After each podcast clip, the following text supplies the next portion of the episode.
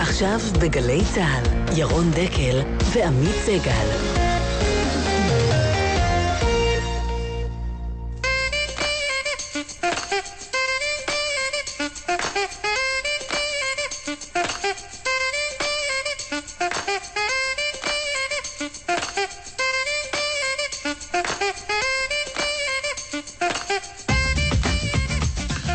תשע וחמש דקות, יום חמישי, זה הבוקר שלנו. עמית, בוקר טוב. בוקר טוב, ירון. מה שלומך?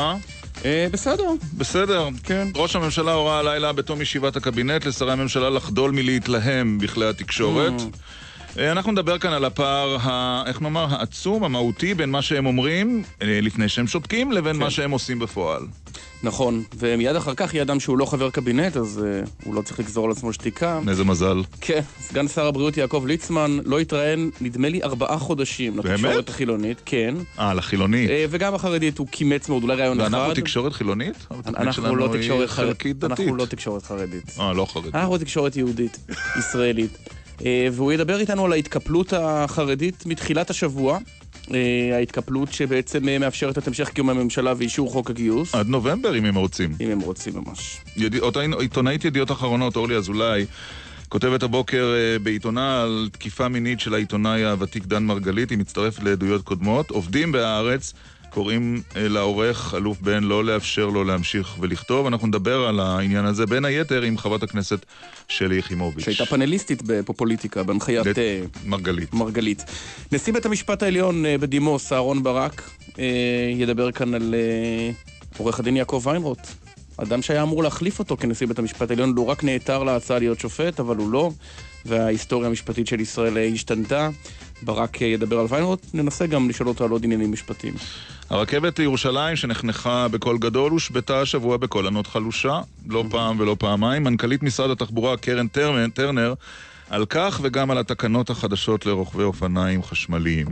וגם אה, ברבע לעשר, שיחה בהפתעה, וברבע לאחת עשרה אדם מהיישוב, והיום, שמאי, שמאי מקרקעין? לא, שמאי באופן כללי. כן.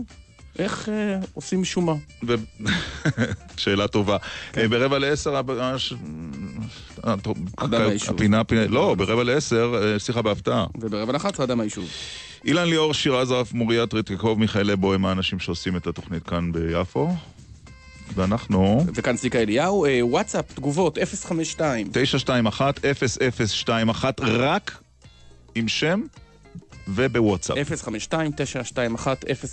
052-921-0021. זה הטלפון להודעות בוואטסאפ. כן, אני קמתי הבוקר בהלם מוחלט. ממה? מהעובדה שב-5.46 הגיעה התראת פוש לטלפון על אה, חזרה לשגרה, אני הייתי המום, הרי שמענו את הצהרותיהם של השרים, של ראש הממשלה, של חברי הקבינט, שהבטיחו לנו שזהו, עכשיו תגיע המכה הסופית. אבל החל משתיים בלילה, כן. שרי הממשלה הבוקר שותקים שתיקה להערכתי זמנית בהנחיית ראש הממשלה. אז למי שמתגעגע, החלטנו להזכיר מה הם אמרו וגם להקדיש להם שיר. הנה.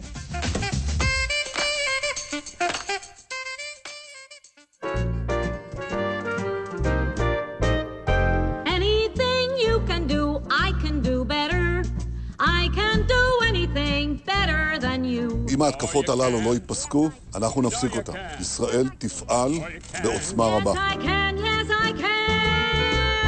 Anything you can be, I can be greater. מבחינתי אנחנו הגענו לקו האדום, נקודה. כרגע הזמן לקבל החלטות, וצריך פה לקבל החלטות. I am, yes I am. I can shoot a partridge with a single cartridge.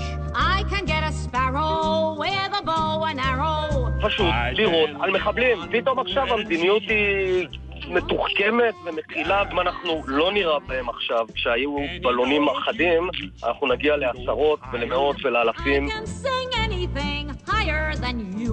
No, you can't. Yes, I can. No, you can't. Yes, I can. No, you can't. Yes, I can. No, you can't. Yes, I can. No, you can't. Yes, I can. No, you can't. ההתייחסות שלנו חייבת להיות אה, כאילו הרקטה הזו גרמה לנפגעים, כי זה למעשה הייתה מטרתה. וחמאס, שנושא באחריות לכל מה שקורה ברצועת עזה, הוא הכתובת. Anything you can buy, I can buy cheaper. I can buy anything cheaper than you. ישראל רואה בחומרה רבה את ההתקפות עליה בגדר, על עוטף עזה, על באר שבע, בכל מקום. Yes, I can. Any note you can sing, I can sing sweeter. I can sing any note sweeter than you. No, you can't. Yes, I can. No, you can't.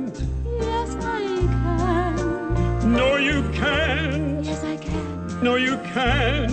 Yes, I can. No, you can't, can't, can't. Yes, I can, can, can. No, you can't. לשרים באהבה. בוקר טוב לסגן שר הבריאות יעקב ליצמן. בוקר טוב בורך. אתה תמיד אומר שאנחנו שואלים אתכם, הפוליטיקאים החרדים, רק על אה, נושאים אה, מגזריים, אז הנה ההזדמנות. מה היית עושה אחרת בטיפול מול עזה? אני לא מבין בזה. אוקיי. טוב. אז נעבור לנושאים אחרים. לא, אבל ברצינות, אתה לא רואה משהו מטריד? אני, אה, כל תשובה אחרת היית צוחק ממני. למה? בכלל לא. היית בממשלה, אתה ותיק במערכת הפוליטית, וזה לגמרי לא מצחיק. אז מה? יש כלל ברזל, אל תתערב בדברים שאתה לא מבין. אבל אתה מחית באוזנינו כאן בתוכנית, אתם תמיד מראיינים אותי על העניינים החרדיים, אז הנה אנחנו אומרים, נכון, הבוקר, הבוקר אנחנו 20 אחרי רגיעה בעזה. 20 כן. יש עשרים אלף דברים אחרים שלא שייכים לביטחון. אתה יודע שמאז שאני בכנסת, אני לא חושב אי פעם התערבתי או התבטאתי על נושאים של חוץ וביטחון. מהמם. עכשיו, זאת בחירה מודעת בגלל שאתה אומר לא הייתי בצבא אז אני לא אתערב בזה, או... או שהנושאים כי- האלה לא- כי- לא מעניינים אותך. כי אריה דרעי למשל, לא, כחבר לא, מתראיין הרבה. מעניין, מעניין ועוד איך מעניין, ויש כמה סיבות. א', כי אה, בחורי ישיבות לא מתגייסים, הם לומדים, אלה שרוצים ללמוד, ואני מניח שאתם תדברו על זה עוד מעט. וב', אה, אני לא מבין בזה. עכשיו תגיד, רק, אז, אז, אז בביטחון לא נשאל אותך, אבל על הפער הזה בין ההצהרות לבין המעשים, ודאי מטריד יש לך אותך? משהו להגיד. אני חושב, לא חושב, כי אני לא יודע מה שקורה שם. אני לא יודע מה... מה לא צריך לדעת, אז סגן השר ליצמן, לא, רק לא, לשמוע- צריך- רק לשמוע את בנימין נתניהו, אביגדור ליברמן, נפתלי בנט וגלעד ארדן, כפי שהשמענו עכשיו, ולראות מה בסופו של דבר הקבינט מחליט על ריסון אה, ברצועת עזה, ויש פער בין מה שאומרים לבין מה שעושים. לא צריך להיות מומחה לביטחון. לא צריך להיות מומחה, כי אני לא יודע, כי אם הם מסתירים דברים שהם עושים שלא, ושלא מגלים, זה גם זה יהיה אופציה. אז אני לא אוקיי. יודע. טוב, אז בוא נדבר על עוד פער גדול שהתגלה השבוע, או התגלה השבוע, בין אה, הצהרות למעשים.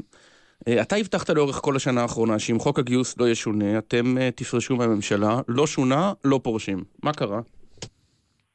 לא, אתם לא מדייקים. אה, מה שקרה כאן, היה החלטה למועצת גדולי התורה לפני אה, שלושה חודשים, שאם החוק אה, עובר, הוא אנחנו פורשים, והם מתנגדים לחוק. אז לא אמרו לנו בדיוק מה, מה הם כן דורשים. לא אמרו את הדברים, מה, איך, אם צריך לתקן, מה צריך לתקן, מה שהם רוצים לראות. עכשיו, הפעם, הפעם אמרו לנו דבר אחד, אל תיכנס לכל הדברים, לא מעניין אותי מה שיקרה. דבר אחד, היסוד, מי שרוצה ללמוד, הוא צריך, צריך לאפשר לו להמשיך ללמוד. מי שלא למד, שיעשה מה שצריך. אבל. החוק לא השתנה בחודשים האחרונים, סגן השר ליצמן. למה מניח- למה לא לומר מניח- בפשטות, אני למה מניח- לא לומר אני- בפשטות, בסופו של דבר הגענו למסקנה שראוי להתקפל. לא, זה זו התקפלות. עכשיו, הודענו להם בדיוק מה שיפור שאנחנו. עמדות לאחור. אני לא יודע מה זה אחורה, מה זה קדימה. אני, אני יודע דבר אחד, צריך לתקן מה שצריך לתקן, וצריך לעשות את זה שיתאם את, ה, את הד, הדרך שהם רוצים. שמי שרוצה ללמוד יוכל להמשיך ללמוד. מהמם. אבל בסופו של דבר, כשאתה עמדת על במת הכנסת בחודש יולי האחרון והודעת שאם חוק הגיוס לא ישונה, אתם תפרשו מהקואליציה, בסוף זה זה לא קרה. גם לא יקרה. יש לנו, יש? לנו עוד חודש. יש לנו עוד חודש. לא, אבל המועצת, לא. תראה, אז אולי תתקן אותנו, כי מה שאנחנו הבנו, ומה שיצא ממועצת גדולי התורה החסידית, זה שהם למעשה אמרו, גם אם תצביעו נגד, אל תפרשו מהממשלה. אני לא קיבלתי את, ה, את הדברים כפי שאתם אומרים. אני יודע שקיבלתי מכתב מהם, והמכתב בדיוק אומר לי, אומר לי מה, מה אני צריך לעשות. מה אני צריך לתקן את, את זה שמי שרוצה ללמוד יוכל להמשיך ללמוד. לא כתוב שום דבר מעבר לכך. כן, אבל גם אם אתם לא... אז גם- אני לא יודע איפה אתם לוקחים. אז. הפרשנות, לא הפרשנות שלפיה אתם בעצם לקחתם שני צעדים לאחור והחוק יוכל לעבור גם אם בקולותיו של יאיר לפיד היא איננה נכונה. כל הפרשנים, כולם. כולם, אבל אה, יש פרשנות אחת, וזה אנחנו. יפה, אז- אנחנו אומרים שמה שקיבלנו זה מה שאנחנו אז בוא אני אשאל אותך, האם אתה עדיין עומד על מה שאמרת, על פרישה. במת הכנסת ביולי, שאם חוק הגיוס לא משתנה, אתם אורזים את הפקלאות ועוזבים את הממשלה? ברור לך שבחוק הזה זה נשאר, אז אנחנו לא, לא, אי אפשר להישאר כאן. גם דגל וגם ש"ס מבינים שצריך לתקן. זאת לא, לתקן כן, זאת אומרת, אבל אם החוק לא ישתנה, כמו שאומר ליברמן, אתם פורשים. אמרתי לך שצריך לתקן. ואם לא? ואם לא? מה זה לתקן? אה, את העגבניות לתקן? לא, אז החוק צריך... אבל אם החוק לא יתוקן, אתם תפרשו מהממשלה כמו גם שהבטחת? הם, לא, גם הם לא מסכימים שאם החוק לא יתקן... מה אתם. תעשו, סגן השר ליצמן? אמרתי אותו דבר, מה שזה יהיה אה, דין אחד לכולם. אה, גם דגל וגם ש"ס, גם אנחנו לא מסכימים לפי שהחוק הזה. ואנחנו אה, קיבלנו מתווה, מה כן? המתווה אומר, כל מי שרוצה להמשיך ללמוד, יכול, צריך, צריך זה מה שכתוב להמשיך. במכתב שקיבלת? ציטטת את המכתב. מה? נכון. כן. נכון, נכון מאוד. אבל לא כתוב שם והיה ולא תפרשו, נכון? זה, זה לא כתוב. לא כתוב. נו, אז אה, יפה. בכל זאת שינוי מסוים. מעניין. אה, תגיד, מה, רגע, הבחירות לפי, לפי תחושתך יכולות להיערך בזמן לנוכח העמדות שאתה מציג כאן? ו... שמה? לא. הבחירות יכולות להיערך בזמן? במועדן? אני לא יודע, אנחנו, יש לנו תאריך של אה, בית משפט אה, קבע, זה בערך בעוד חודש ימים, משהו כזה, נכון? וזה זה התאריך. זה אבל צריך- התסריט שלפיו אתם אה, לא מצביעים בעד והחוק הזה עובר בקולות יש עתיד ויאיר לפיד הוא תסריט סביר? לא, לא, סביר אני- בעיניך? לא, אני, אני אצביע נגד, לא, לא ספק, ואז נקבל את ההנחיות בדיוק למה, למה להמשיך לעשות. זאת אומרת, כל החגיגות המוקדמות בעיניך, החגיגות על הישרדותה של הקואליציה היו מוקדמות. כי זה לא בטוח שזה מה שיקרה. יכול להיות שכן, אבל לא בטוח. הרי עד הרגע זה גם דגל, הם, הציע, הם רצו לתקן את זה אז, עוד לפני, אז ב- בגללנו דחו את זה עד אחרי החגים. עכשיו, כולנו נלך ביחד, כולנו ננהל את המשא ומתן, ואיך לתקן את הדברים. אוקיי, תגיד, אתה דיברת עכשיו על דגל וש"ס, אה, אבל מה שאנחנו רואים זה שהחרדים כבר לא מצליחים להחזיק חזית אחידה. בירושלים יהדות התורה התפרקה לשתי רשימות, אתם רצים אחד מול השני בכל הארץ. יכול להיות שאנחנו רואים כאן תהליך היסטורי שהמשמעות שלו היא אה, סוף המגזר החרדי כגוש אחיד? אני לא חושב, אה, זה שקורה בירושלים פילוג זה כואב, זה לא בגללנו, זה בגלל דגל. משום מה שאנחנו עברנו, אה, הבאנו אה, את המועמד חרדי. אגב, מתברר היום, לפי סקרים שראיתי אתמול בלילה, שהוא דווקא, הוא הוא עבר את אלקין וליאון, הוא עבר... אתה בעד שהוא ימשיך, בעד שהוא? ימשיך עד הסוף, אה, סגן השר ליצמן? קודם כל, זה לא עניין שאני בעד או לא בעד, הוא הולך להמשיך עד הסוף. ואתה תתמוך בו עד עכשיו, הסוף? עד הסוף. עד הסוף. הוא קיבל את... עד הסוף, הסוף. מה, זה הודעת אבל אז זה פטירה- אומר- אז זה אומר הודעת ש- פטירה פוליטית זה לאלקין ב- הוצאת זה עכשיו. אומר שברקוביץ' או ליאון יהיו ראשי עיריית ירושלים לפי המסתמן. לפי הסקר, לפי הסקר אתמול בלילה, אז אה, זה יהיה סיבוב שני בין אה, דייטש ל- לברקוביץ'. ואז ברקוביץ', תקבלו אותו אולי כראש העיר? נו, אז מה אולי עשיתם? דייטש דווקא, כי אז החרדים יתאחדו. אה, בוא נגיד שהחרדים יתאחדו, אז דייטש יהיה ראש העיר, זה אנחנו מסכימים. אגב, יש בך אה, צער על אה, מועמדיו של יריבך משה גפני שקרסו השב- השבוע? אתמול. באלעד- מועמדו, המועמד באלעד. שלו באלעד נפסל, המועמדת שלו בחיפה נפסלה. או שלא הצטערת מאוד. קודם כל, לא, לא, אין לי שום קשר לבחירות באילת, כי זה לא אנשים שלי, אין לי שם אנשים. ב', ב', אה, אני חושב שעצם הדבר שלא תחתו זה לא בסדר. אני לא בטוח שזה סוף פסוק. אגב, גם, גם בחיפה יש אה, פסילה. אז נכון. אני לא יודע מה, כן.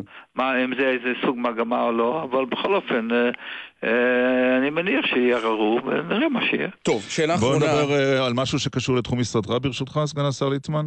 התפרצות החצבת, הזכרת אותה. עד כמה, עד, אנחנו, אנחנו, עד אני כמה זה מסוכן? אתמול- לא, איך הגענו לא, למצב שבמדינה מודרנית כמו ישראל פתאום יש התפרצות של מחלה שחשבנו שכבר האם השחפת? בדרך? או הדבר השחור? לא, אז אני, אז אני אסביר. ישבתי אתמול הרבה זמן במשרד עם הבכירי המשרד הנושא של החצבת. אה, קודם כל צריך לדעת, אנשים חוסנו, חוסנו. עכשיו אנחנו מדברים בחלק אנשים, חלק לא, לא, לא גדול, אבל מתברר שיש מקומות שלא חוסנו, שאנשים סירבו או שמשום מה לא לקחו את החיסון, ו- ו- ואז הם קיבלו חצבת. ואנחנו בודקים את המקומות. עד כמה אנחנו צריכים להיות מודאגים, סגן השר ליצמן? לפי מה שאני מבין ככה, שאלה שחוסנו לא צריך להיות מודאגים, אלה של, של, שלא חוסנו צריך, צריך לחסן. באיזה גילאים?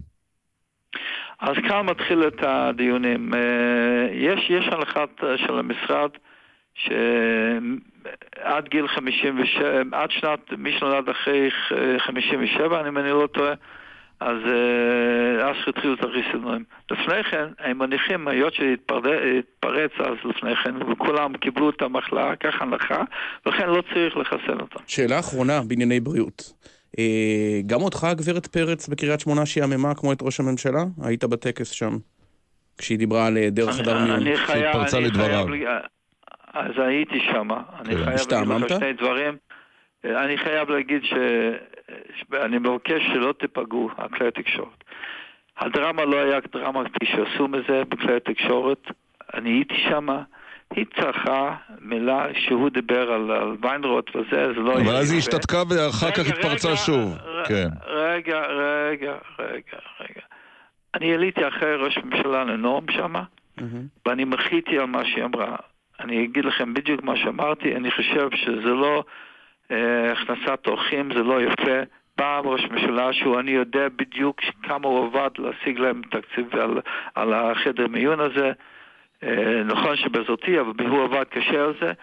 והוא בא, הוא התחיל את עצמו לבוא מירושלים לקריית שמונה, לא צועקים באמצע, זה אמרתי. יש טענות פה ושם, יכול להיות טענות. ומה דעתך על תגובתו של ראש הממשלה? זה שלא צועקים זו, זו נקודה שהבהרת היטב. מה דעתך על תגובתו? כאב לו, כאב לו שהוא מדבר על פיינרוט, ובאמת הוא קצת בהתרגשות, ופתאום מפריעים לו, מדברים איתו, צועקים בשטויות. אז אני הצלחתי אותו. אתה מצדיק את האמירה הזאת, את משעממת אותנו. את הביקורת עליה. במקרה המסוים הזה, כן. סגן השר יעקב ליצמן, יהדות התורה, אגודת ישראל, תודה רבה לך. תודה, יום טוב. טוב, הערה אחת ש... מתי שם, אתה יודע, זה כל כך מרענן היה לשמוע בהתחלה, הוא אומר, אני לא מבין בביטחון. כן. אני לא... כותב לנו חיים בוואטסאפ שלנו, סוף סוף סגן שר שאומר דברים חכמים, לא מבין בביטחון, לא מדבר.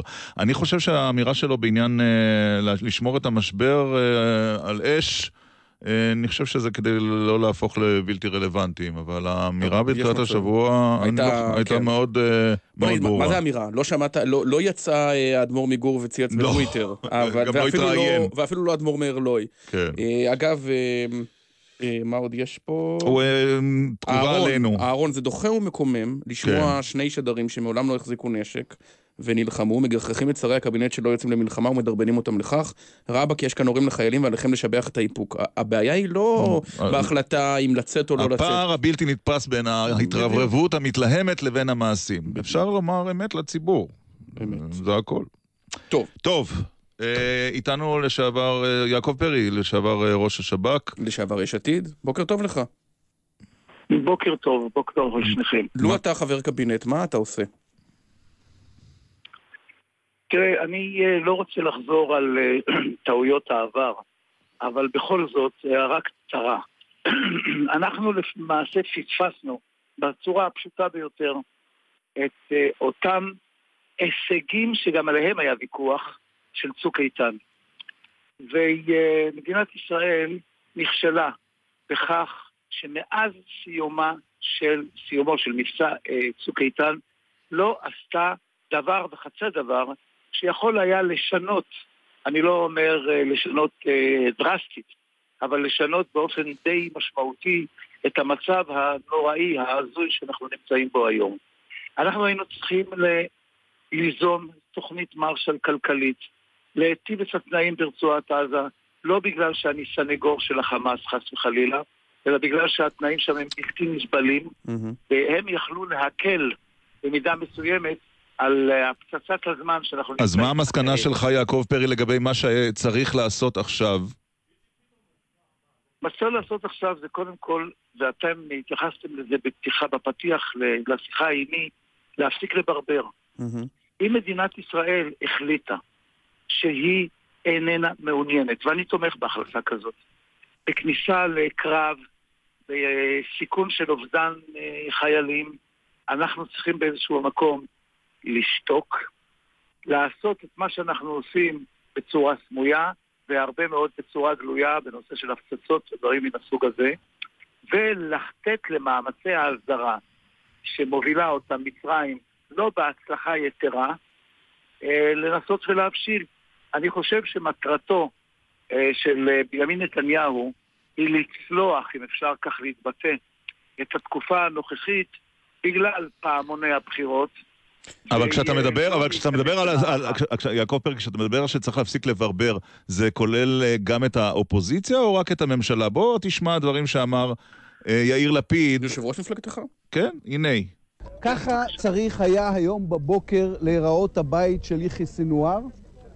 ככה צריך היה היום בבוקר להיראות הבית של אסמאעיל הנייה.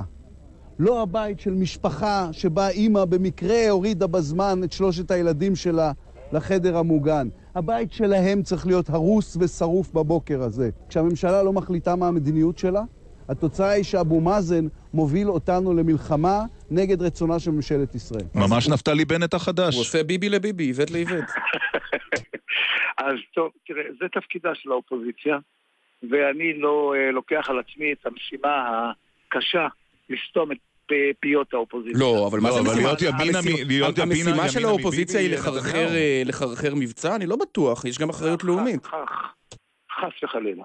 לא לחרחר מבצע, אה, אני חושב, אני, אם אני יכול לפרש את אה, מר לפיד, הוא התכוון לכך שאנחנו צריכים אולי להיות יותר אגרסיביים, שכאשר קורית, אה, אה, קורה אה, מה שקרה שלשום בלילה, יכול להיות שהיינו יותר תקיפים צריכים להיות, אם זה בנושא של חיסולים ממוקדים, אם זה בנושא של הפצצות של אה, בתים של אה, אישים, אבל אה, בין זה לבין מלחמה, וגם יאיר עצמו אומר שאנחנו לא מחרחרים ולא רוצים לחרחר מלחמה. מהמם. אוקיי, אז זה, זה העניין הזה. עכשיו, כשאתה שומע את ההצהרות... אבל, אבל רגע, לפני כן עוד שאלה בעניין לפיד. הקו הזה של להיות אה, יותר ימינה מהליכוד זה קו שנראה לך? המאמץ הזה. או שזה קצת מייקאפ, מייקאפ שלא יחזיק. תראה, לצערי עד כה זה לא נתן איזה שהן תוצאות מקוות. הבנו. אה, צריך לומר את האמת. צריך להעיר את האמת. יחד עם זה, השאיפה להרחיב את מעגל הבוחרים של יש עתיד היא שאיפה לגיטימית, צריך לנסות אותה. כמו שאמרתי, עד כה ללא תוצאות מרשימות. האמת, זה היה גלוי לב. בהחלט. יעקב פרי. דברים שאומרים... אתה תצביע, אתה תצביע ליש עתיד בבחירות הקרובות? בוודאי, אה, בוודאי, אני אצביע ליש עתיד.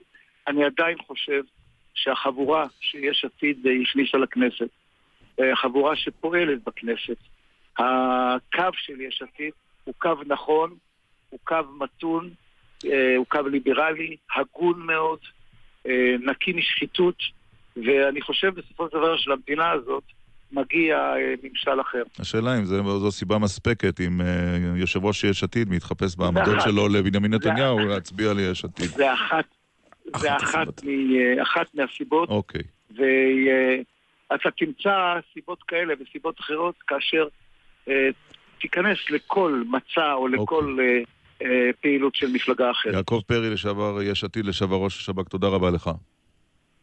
בבקשה, בוקר טוב. ואיתנו עכשיו הפרשן המדיני של ערוץ 20, שמעון ריקלין, שלום. שלום, בוקר טוב. תרצה לשבח את ראש הממשלה על הריסון שנקט האיפוק. הלילה? איפוק. איפוק זה כוח? כן. אה, אם אני רוצה לשבח אותו? כן. לא, אני לא משבח אותו. אתה מגנה אותו?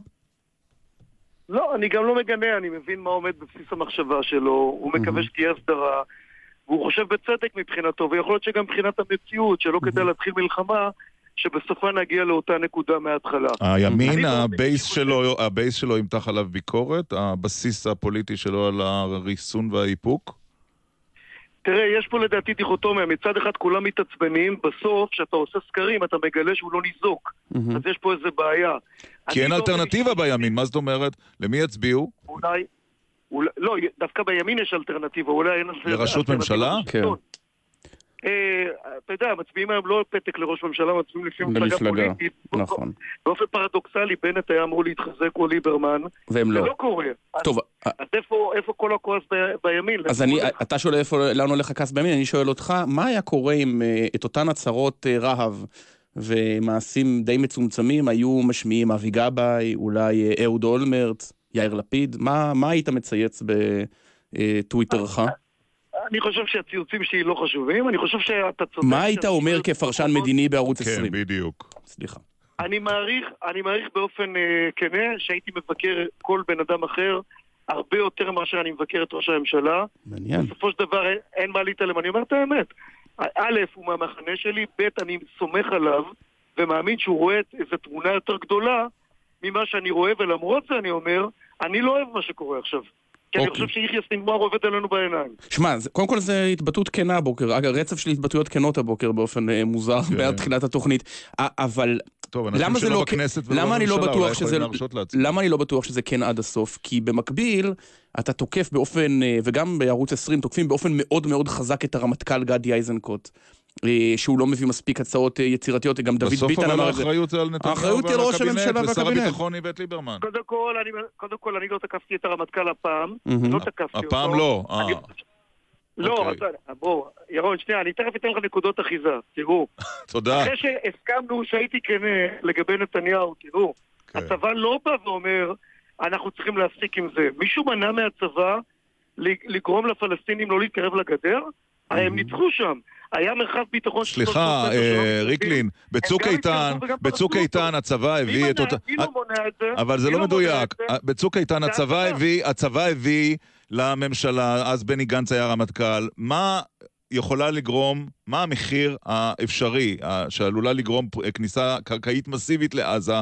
אה, כולל המצגת שאודי סטגל אה, פרסם אז בחדשות 2, והקבינט החליט שאת המחיר שהציג לו בני גנץ הוא איננו הוא לא מעוניין לשלם. לשלם. ירון, זה הקבינט החליט. בנימין נתניהו ובוגי יעלון. עם ירון, בנט. אתה מדבר על כנות, אבל למה אתה לא הולך לצוק איתן? יש פה סיפור מאוד פשוט, אחרי שהסכמנו שבמערכה הכללית אתם צודקים, אני גם הודיתי. תודו אתם כן. שהצבא פה נכנע ביום הראשון למהומות, שהם התקרבו לגדר, ירו. מי זה הצבא? מה זה הצבא? מה, בנימין נתניהו האיש? הוא אחראי, הוא אחראי לתקיפות בסוריה, הוא אחראי להישג עם פוטין, אבל לזה הוא לא אחראי. וליברמן לא יכול להנחות את הצבא אחרת? מה זה? מה זה דיקטטור? חברים, אני כן. עושה... לא, לא, זה לא דיקטטורה, למרות שהיו כאלה שאמרו שמזל שהצבא פה מנהל את העניינים. אני אומר באופן הכי ברור, מי שלא מחליט עכשיו כדי לתת תגובה רצינית בעזה, זה ראש הממשלה, הממשלה, והקרקס יפה. של הקבינט אתמול שהיה הצגה. אומר חד משמעי. שמה בשטח, בטקטי, מסכנים את חיילי מי זה צה"ל מסכן? יום ראש יום. הממשלה? ראש הממשלה לא יודע לא. מזה? הוא צריך את... אה, אתה יודע מה? אבל אתה מבלבל את. האורות, ממשלה מנחה את גדי איזנקוט, לא ההפך. למה- למה לכעוס?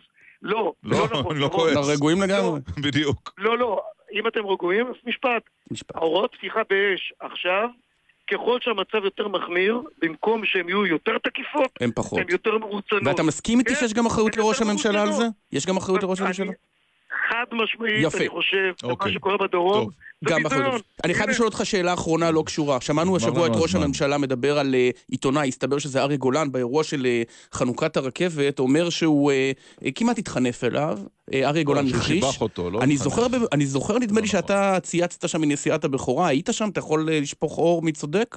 תראו חברים, אני באמת אין לי שום דבר נגד אריה גולן, אני הייתי שם, אריה גולן את אותם דברים שאמר לראש הממשלה, אמר גם לי באופן אישי, לכן זה מיותר, זה פתטי. אני אומר לכם מה, כולל שהוא לא יכול לומר את הדברים בפומבי כי יעשו לו לינץ'? לא, לי, את זה הוא לא אמר לי, הוא רק אמר לי שהוא חושב שיש לנו ראש ממשלה מעולה, שמזל שהוא נמצא על ההגה, שהוא מנהל את העניינים באחריות, אה. שהוא לא ראה כזה דבר וכולי, מלא תשבחות, כולל אגב בקשות לסלפי והיצמדות ואתה לראש הממשלה. ואתה שאלת אותו למה. הוא לא אומר את הדברים בשידור או שנמנעת? שאלתי אותו, אוקיי. שאלתי אותו, יצאנו שם, אמרתי לו, אריה, אני לא מבין את הפער, בבוקר אתה תוקף אותו, הוא מספר על זה וכך.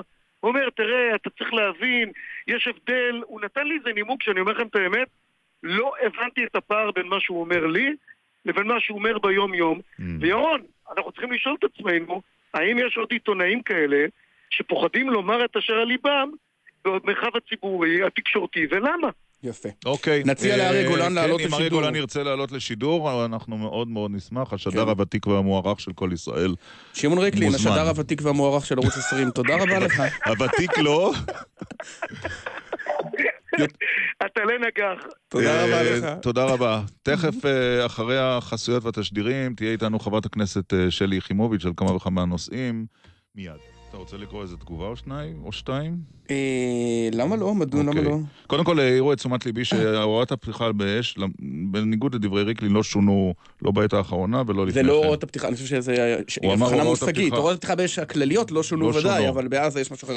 אה, לאור עברו הצבאי המפואר במרכאות של יעקב פרי, כותב ירון, היה נכון לו היה משיב בפתיחת הראיון כמו קודמו ליצמן, לא מעוניין להשיב שאיני מבין בביטחון. ערן כותב, תמיד לימין יהיה את מי להאשים, אפילו שהם כבר 40 שנה בשלטון, אה, שלוש נקודות זו דמגוגיה. יפה. טוב, שלום לחברת הכנסת שלי יחימוביץ', המחנה המחנה הציוני. יושבת ראש הוועדה לביקורת המדינה. שלום ירון, שלום עמית, בוקר טוב. ובהקשר הזה גם חברת פאנל לשעבר בתוכנית אה, פופוליטיקה. נכון, כשהייתי, אה, כשהגשתי את הכל דיבורים ברשת ב', גם אה, התארחתי בפאנל מדי פעם. מטולטלת ב- מה לחלוטין, ששמעת עכשיו. הפתיע אותך? מה ששמעתי עכשיו עכשיו, ברגע זה, משהו לא, שפספסתי לא, לא, או משהו לא. שהתפרסם אתמול. על דן מרגלית. ב-48 אני, השעות משום האחרונות. מה הייתה לי תחושה שאנחנו מתחילים את השיחה שלנו במצב בדרום. אפשר להתחיל בעזה, אין שום בעיה. אה, מה ששמעת עכשיו הפתיע אותך, חברת לא, הכנסת. יחימוביץ'? לא שרגע שלא, על עזה? שלא, יהיו, שלא יהיו אי הבנות, אני אה, מעוניינת לדבר על דן מרגלית. משיקולי לילה בלבד את רוצה שנתחיל בעזה? בסדר גמור, אין בעיה. כן, יש לי הרגשה איכשהו שבסוף לא נגיע לזה. את יודעת מה? בוא נשמע דברים שאומר יושב עוד ראש לא, אנחנו מפלגתך. תכף נשמע. לא? נשמע עוד, עוד, אוקיי, עוד עוד- מעט? עוד מעט. אבל אה, את שומעת את הדברים של גבאי ושל לפיד, שבעצם מנסים לאגף את הממשלה מהכיוון הביטחוניסטי. את שותפה להצהרות האלה? לא, חד משמעית לא. גם לא שמעתי את גבאי, אגב, מנסה להגף מימין, אה, בטח לא בפאזה הזאת, אבל אה, שמעתי את יאיר לפיד אתמול עומד ליד הבית, הרוס, ואומר שכך צריכים להיראות הבתים של כך וכך. כן. אה, ואני אני ממש ממש לא שם. גם אני, אגב, שמעתי את הפרשנות שלך אתמול, עמית, על המרחק העצום בין דברי הרעב, השחץ ואיומי המלחמה לבין, ה, לבין כל הנוט החלושה בסוף, ואני מסכימה איתך. גם לי יש ביקורת על הפער הזה, אבל אני אה, נמצאת בצד שאומר שטוב, אני מוכנה לספוג את הפער הזה הקצת נלעג, ובעיניי ההחלטה שלא לצאת למבצע, בוודאי לא מבצע קרקעי, היא החלטה אה, נכונה, אחראית ונבונה. הביקורת שלי היא כלל לא בתחום הזה, אלא בעובדה שכל המסע הכבד של ההתמודדות עם המצב הנוראי אה, אה, בדרום מוטלת. אך ורק על כתפיו של צה"ל, ויש ממשלה בישראל. אבל מה ש... לגבי הממשלה, מה שאת אומרת, חברת הכנסת יחימוביץ', שבעצם הייתם נוהגים באותו אופן, אולי למעט הדיבורים, נכון? לא הייתם פותחים במבצע ממש. לפי מה שאת אומרת. ממש לא היינו נוהגים באותו אופן. אוקיי. היינו מייצרים איזושהי חזית, איזשהו ניסיון, גם אם בסופו הוא לא היה צולח, של איזשהו פתרון מוסדר. הרי אין פתרון צבאי למה שמתרחש בעזה, נקודה. לא יעזור כלום, אין פתרון צבאי. לצה"ל יש כמובן את כל התרחישים, מהקל ביותר והמתון ביותר ועד הקיצוני ביותר. זה לא, זה לא סוד מדינה מה שאני אומרת עכשיו. מי שצריך להכריע בעניין זה כמובן הדרג המדיני. התפקיד של צה"ל הוא להגן על מדינת ישראל, אבל בזמן שצה"ל עושה את עבודתו ומגן על הגבול, אה, מגן בגבול על מדינת ישראל, יש ממשלה בישראל שצריכה להציב איזושהי אלטרנטיבה ואיזשהו חזון מדיני ולנסות לפעול. אבל למה. חזון מדיני? רואים- אה, תראי את הסתירה אבל ש- שקורית. מצד אחד, אה, המחנה שלך קורא למשא ומתן עם הרשות הפלסטינית. מצד שני, מי שדוחף אותנו, פשוט דוחף אותנו מאחור אל התהום של מבצע נוסף בעזה, זה אותה רשות פלסטינית. אני חולקת עליך לחלוטין. על החלק הראשון או השני? על אה, כל התזה הזאת. הרי זאת ממשלה שמעולם בתולדות מדינת ישראל לא הייתה ממשלה שחיזקה את החמאס כמו הממשלה הזאת. זאת ממשלה שמדברת לא, בגלוי זה, עם החמאס. זה, זאת, הביקורת ש, זאת הביקורת שנשמעת, ובמידה רבה בצדק, אבל מהצד השני, אבל מי מתקשר, בהא לא, מי מתקשר לחברות דלק ישראליות ומאיים עליהם, אם אתם תעבירו דלק לעזה, אנחנו נחרים אתכם ברשות הפלסטינית? אבו מאזן ואנשיו. אז, אז, אז זה השותף המתון שלנו, אז, אז איך אפשר לאחוז את המקל הזה בשני קצותיו? אני יכולה להסביר את עמדתי בעניין הזה? בוודאי. פתרון. פתרון בעזה, פתרון בעזה חייב לכלול את כל המדינות הערביות שנתניהו אה, מתרברב בנאומיו בחו"ל, שאנחנו ביחסים נפלאים איתן, שזה כמובן אה, מצרים וסעודיה והאמירויות וכן הלאה. הוא חייב לכלול גם את הרשות הפלסטינית. כן. וברגע שאתה לא כולל את הרשות הפלסטינית, ואתה מתגמל ארגון טרור רצחני ומדיר רשות שעם כל הדברים האיומים שתגיד עליה, יש איתה שיתוף פעולה ביטחוני יומיומי, וקציני צה"ל וראשי זרועות הביטחון יושבים עם אנשי הביטחון של הרשות הפלסטינית, בקיצור, לשתות קפה ומסכלים יחד פיגועים. היחס לרשות בשנים האחרונות היה צריך להיות אה, אחר. זו השורה התחתונה של אני לא הדברים. מדברת על היחס לרשות, אני, אין לי שום אה, חיבה לא, אה, מצ... ה- לרשות. או- הקשר של הממשלה עם הרשות, זה מה שבעצם את אומרת, זו- זו נקודה ברורה. אני רוצה... אה, יתרה מזה, הקשר הזה קיים כל הזמן. ב- מה, איפה, זה, איפה זה נבחן הכי טוב? זה נבחן הכי טוב במישור הביטחוני. כן. במישור הביטחוני, הרשות הפלסטינית משתפת איתנו פעולה, מונעת פיגועים. אוקיי. וכל הצביעות שבהתעלמות מזה, היא תורמת לי מאוד. בואי נעבור ברשותך לשאלה שבה פתח עמית. האם הופתעת אה, מהפרסומים על דן מרגלית, עמיתך לפוליטיקה, כי כולם, רוב הפרסומים עוסקים באותם ב- שנים. בשנים ההן? כן. אה, טוב, במילה אחת, אה, כן. כן הופתעת? כלומר, הופתעתי, כן. אה, בשתי מילים כן ולא. אוקיי. אה, אבל, אבל באמת, אה, באמת עוצמת הברוטליות של המעשה הדהימה אותי גם, אני גם, אה, ליבי, ליבי יוצא ל- ל- ל- לנשים מדהימות שאני מכירה, ל- לחניקים, לאורלי אזולאי, לאורלי שוחט. אבל מעניין אותי, אמרת, אבל אמרת כן ולא. למה למה כן לא? ולא? תכף אני אסביר, אני לא, אוקיי. לא אחסוך מכם את זה. אני רק אומרת, לפני שאני אגיד למה כן ולא, אה, אני, אני כן רוצה אה, לשלוח גם אהבה, גם חיבוק וגם תמיכה אה, לנשים האלה, ואני יודעת שנורא נורא קשה להם, כי דווקא לנשים עם הרבה כוח ועוצמה ותפיסה עצמית של שליטה על החיים שלהן, מאוד מאוד קשה לספר על רגע שבו הן היו חסרות ישע וקורבן. אה, ו- אה, וכמו שאומרים אה, בקמפיין הנוכחי, מאמינה לך, מאמינה אוקיי. לכן.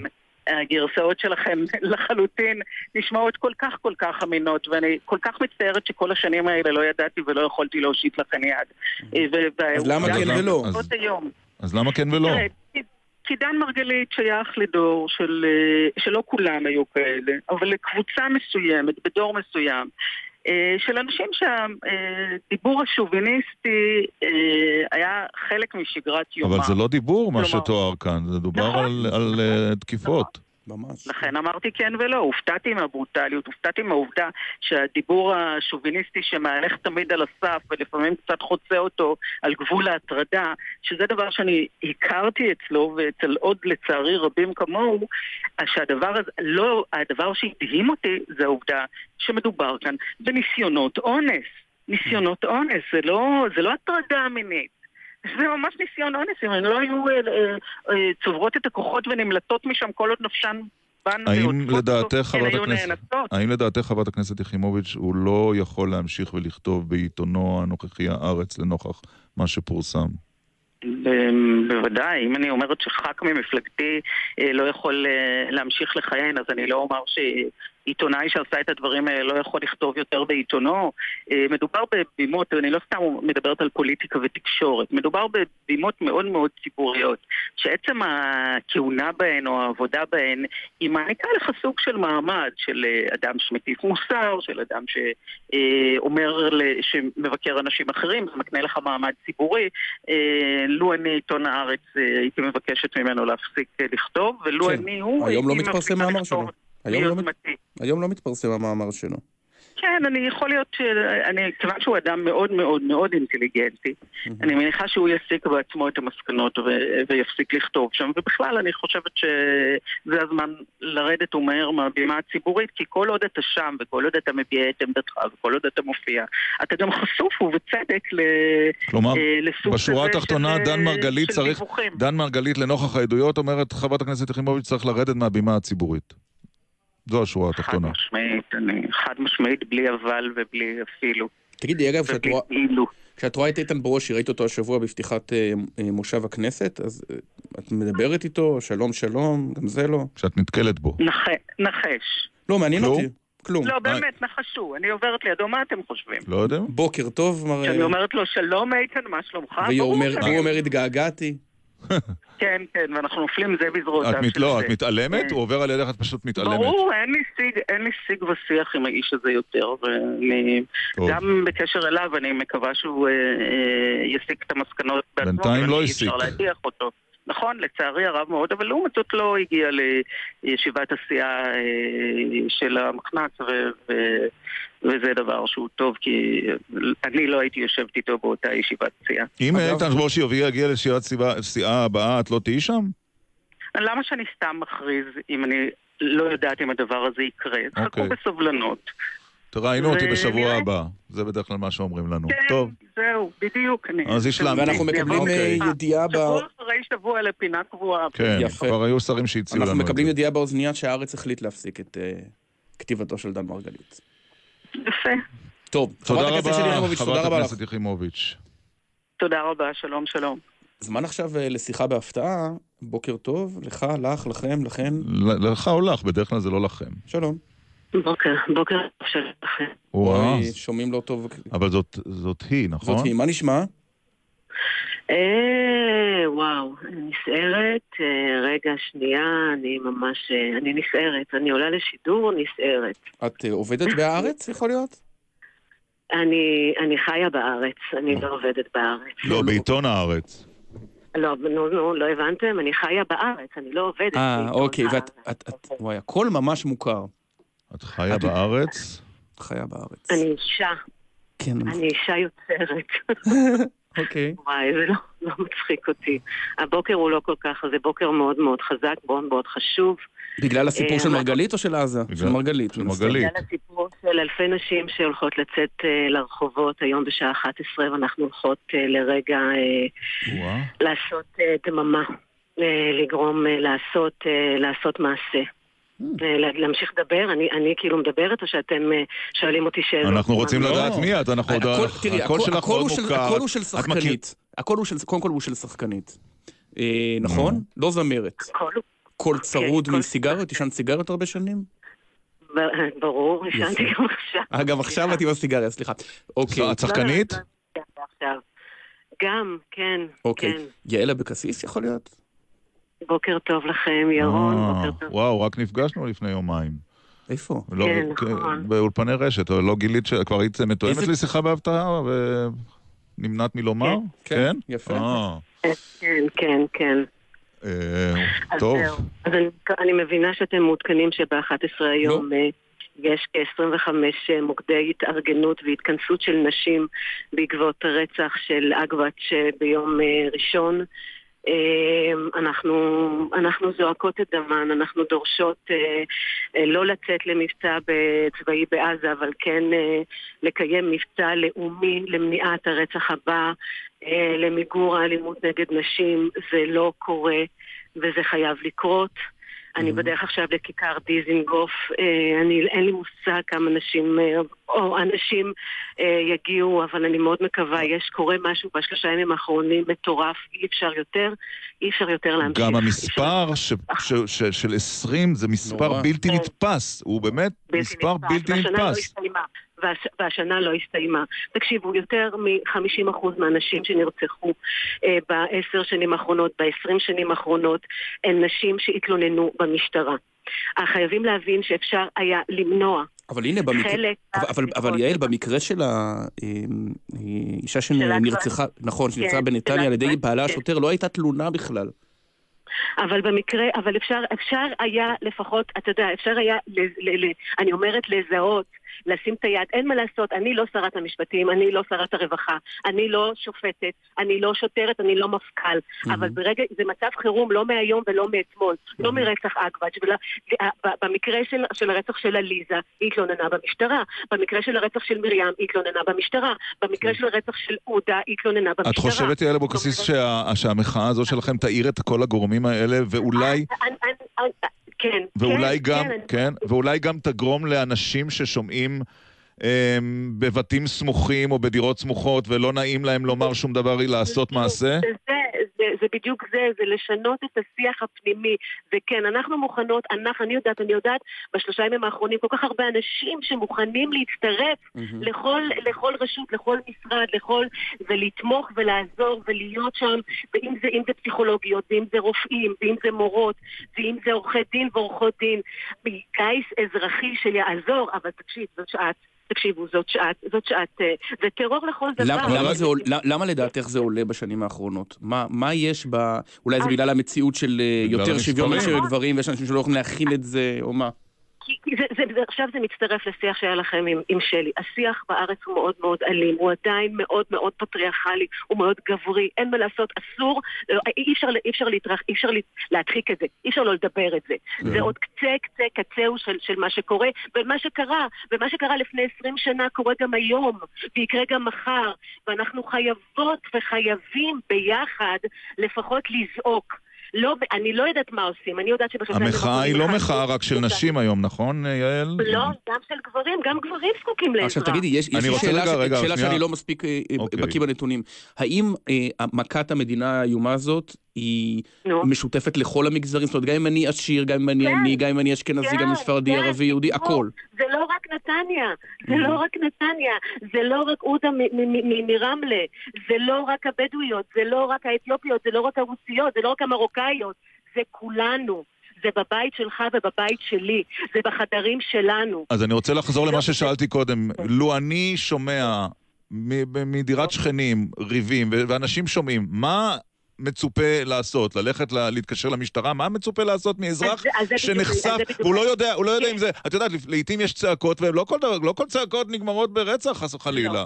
אז, אז קודם כל, אז קודם כל, כן, קודם כל, אה, כמובן, אה, משטרה. צריך להקים מיד, צריך ליצור קו חירום לדבר. אין קו חירום, אין כמו שיש 100 קו חירום.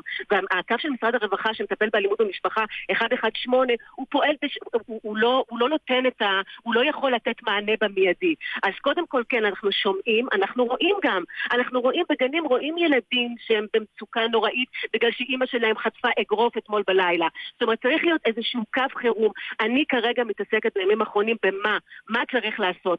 ברור שאנשים שעוסקים בדבר יודעים מה צריך לעשות, אבל צריך שיהיה סינכרון ביניהם, וצריך לה, להבין שזה הדבר המיידי.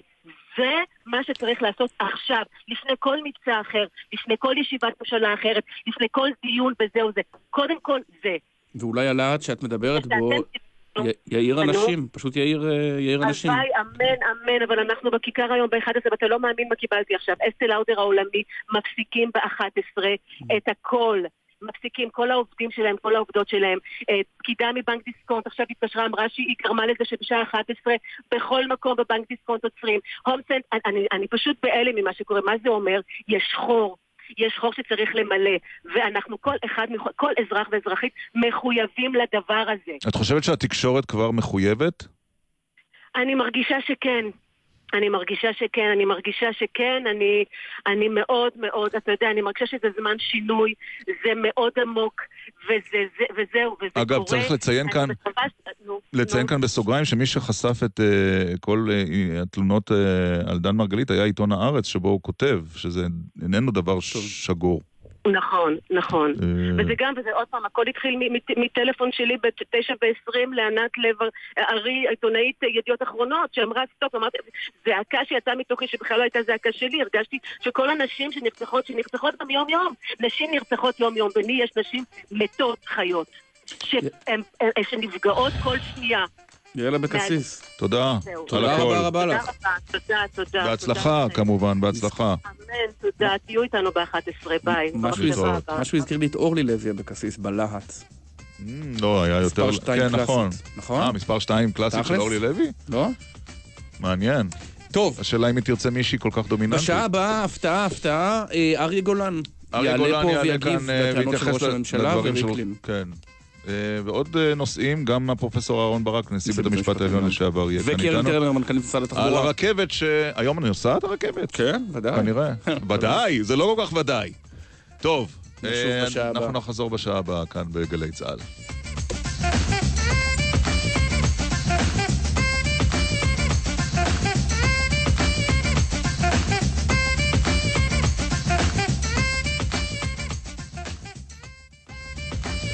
עשר וארבע דקות. שבנו. שבנו. הייתה שעה עם uh, כמה וכמה כותרות. תהיה שעה לא פחות מעניינת. כולל אחת שאתה הבאת. כן. שהארץ מפסיק את כתיבתו של אה, דן מרגלית. טוב, זה היה די צפוי. כן. נכון. טוב. השבוע אה, הלך לעולמו אחד מבכירי עורכי הדין בישראל. ואיתנו, עורך הדין יעקב איינרוט, זכרו לברכה, ואיתנו הפרופסור אהרן ברק, הנשיא בדימוס של בית המשפט העליון, היום הוא מרצה במרכז הבינתחומי. שלום פרופסור ברק. שלום, שלום לכם. מתי הצטלבו דרככם לראשונה? הרבה שנים, הרבה שנים.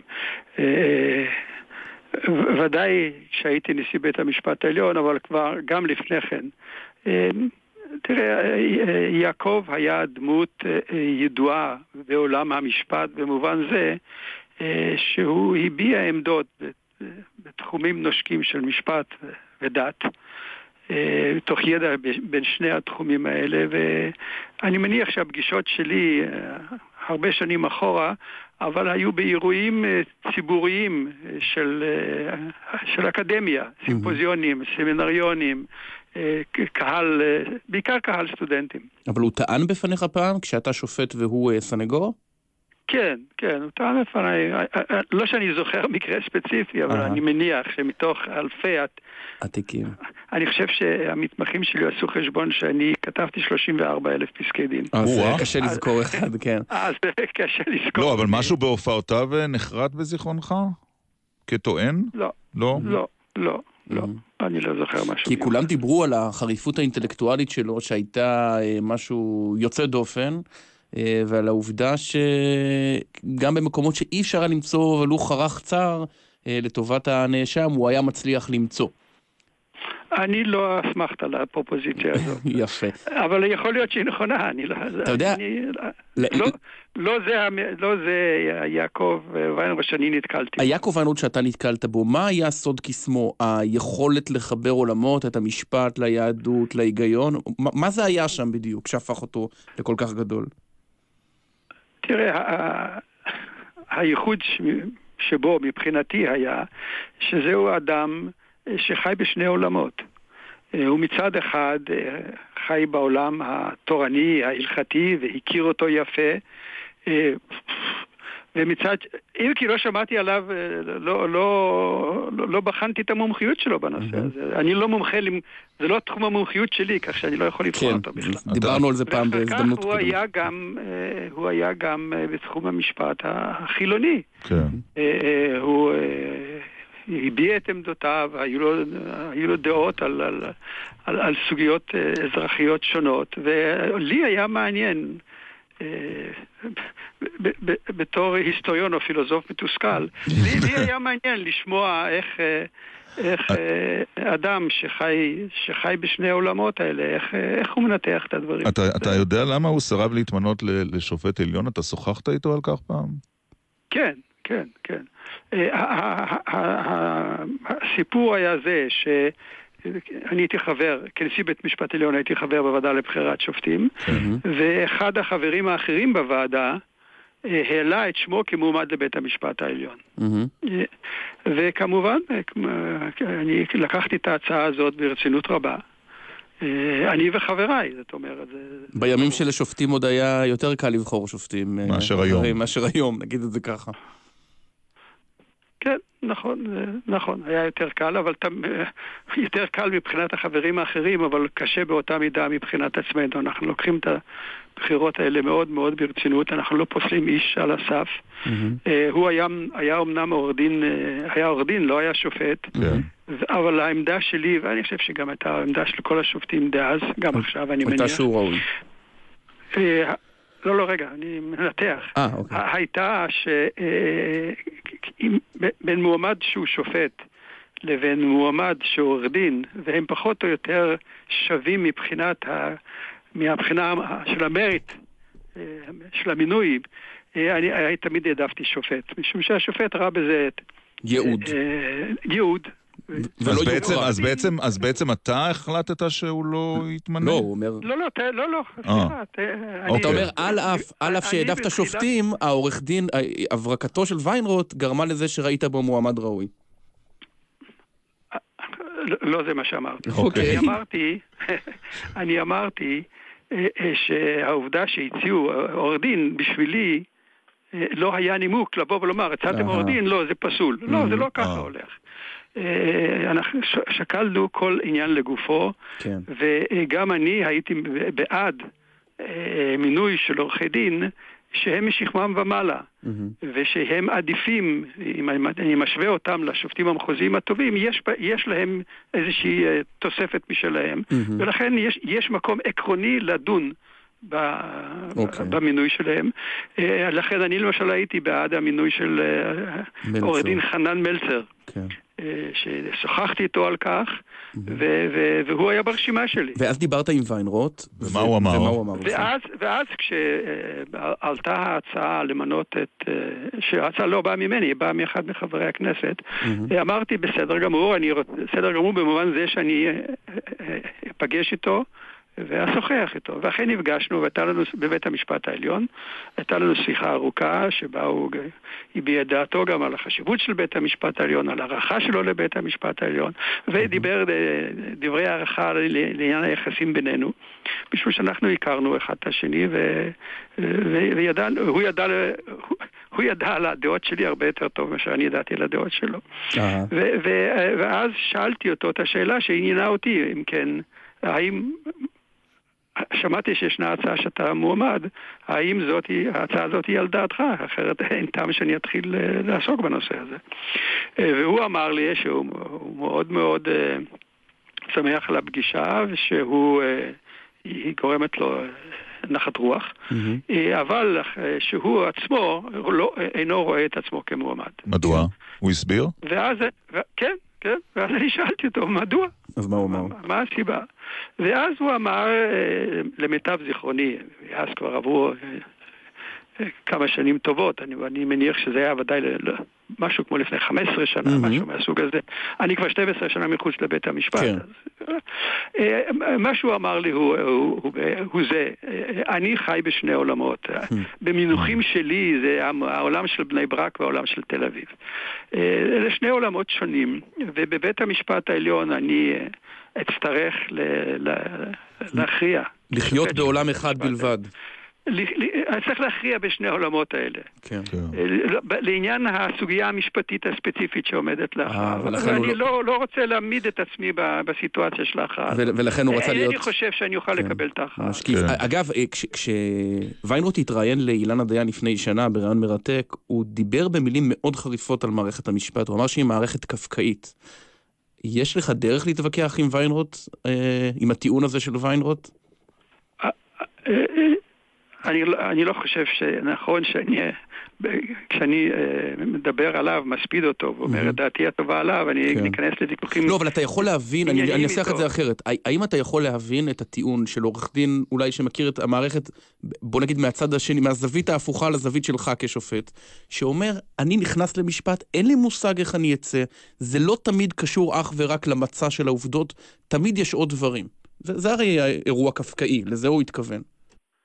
אני לא יודע אם לזה הוא התכוון שזה אירוע קפקאי, ואני לא חושב שהתיאור הזה מתאר אה, בצורה מדויקת את מה שקורה בבית המשפט, כן. ו- ו- והייתי חלוק איתו, על, על, אני מניח, על דברים רבים אחרים, אבל זאת לא השאלה. אנא, תנו לי לסיים את, בבקשה. את כן. השיחה בינינו, משום שאני הגבתי לדברים שלו, ואני אמרתי לו, תשמע, אני לא חושב שזה שיקול אה, שצריך להדאיג אותך, או שזה שיקול שאתה צריך, שצריך להביא אותך לידי אה, הסרת המעמדו, המועמדות שלך. משום שיש, א', היו לנו בבית המשפט העליון שופטים אה, שהם דתיים, חלקם אפילו חרדים. היה השופט קיסטר, היה השופט שרשבסקי, היה השופט מנחם אלון. אה, היו שופטים שהם ודאי דתיים מאוד, הדתיות שלהם היא מסוגים שונים, ואני לא ראיתי שהייתה להם בעיה או שהייתה לי בעיה איתם. אה, אמרתי לו גם שאני בשעתו הצעתי הצעתי לרב דיכובסקי. אה, שהוא היה דיין, בבית הדין הרבני הגדול. אני, אני יזמתי את זה. אמרתי לו, הרב דיכובסקי, שאני מאוד מאוד מעריך אותו, אני חושב שהוא היה די, אה, דיין גדול, ואני חושב שהוא היה יכול להיות שופט גדול. ואני אני הצעתי לו את זה, והוא לא אמר לי לא. הוא לא אמר לי, אני בשני עולמות, אה, גם הוא יש לו את אני לא חושב- אני לא חושב שהוא גר בבני ברק, אבל גם כן, לו יש כן. בני...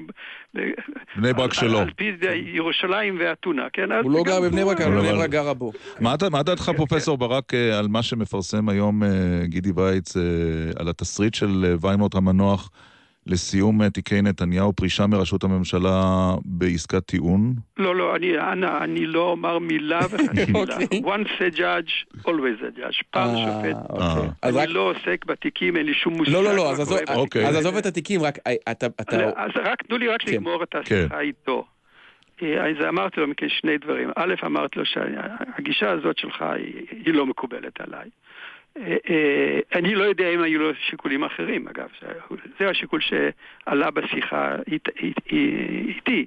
יכול להיות שהיו לו שיקולים משיקולים אחרים, לרבות שיקולים הלכתיים.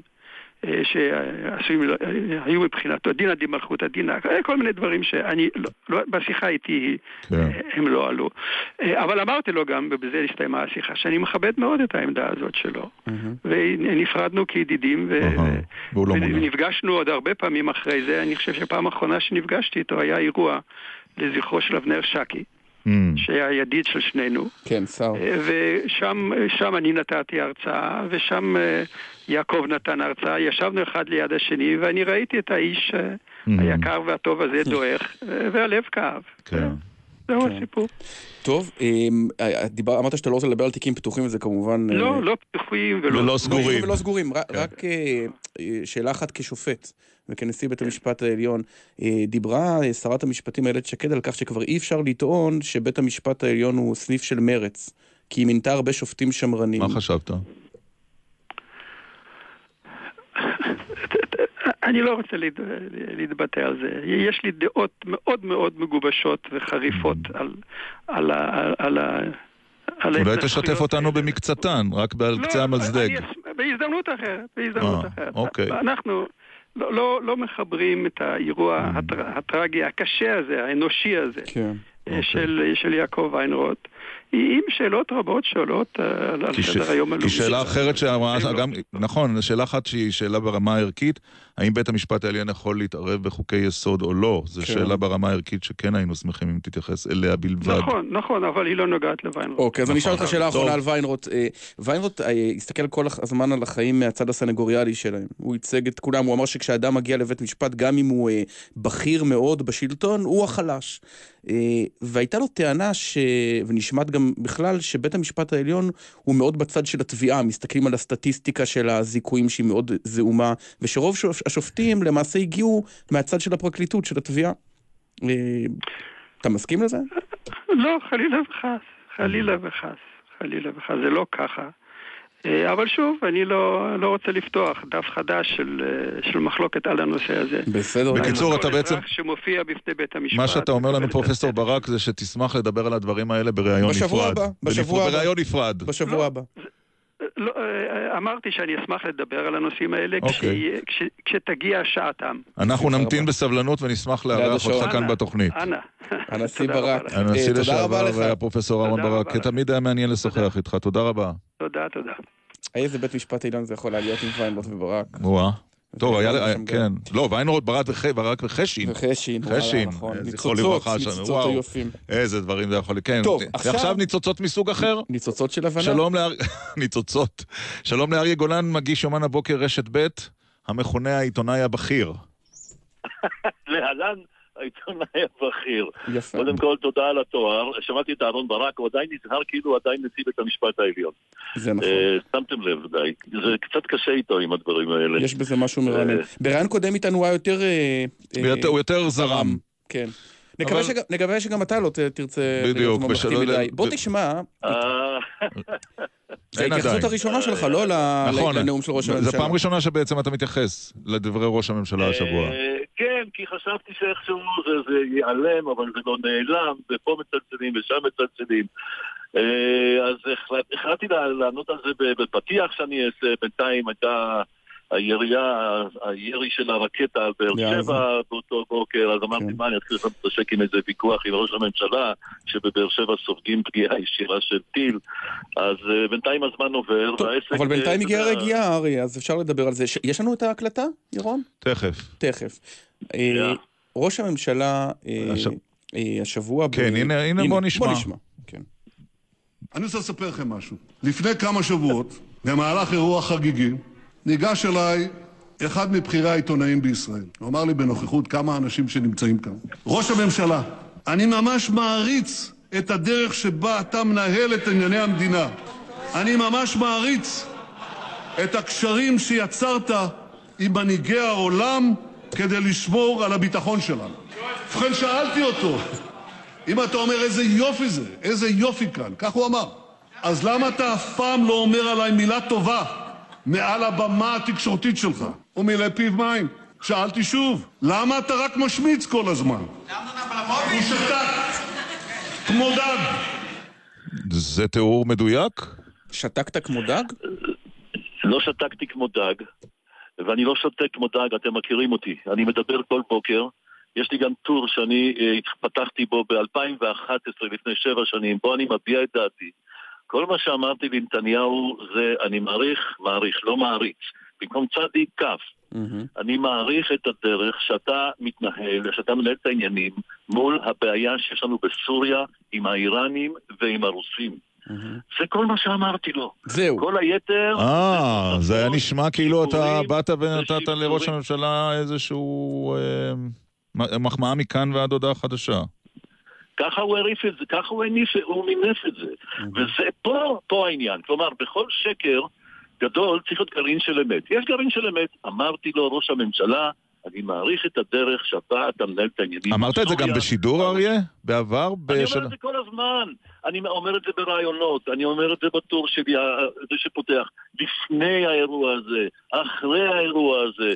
אני אומר את זה כל הזמן. ולא דיברת איתו, ולא דיברת איתו על נושא אחר, על התחבורה, על הרכבת. הניהול, הפוליטיקה, כלום, רק על זה.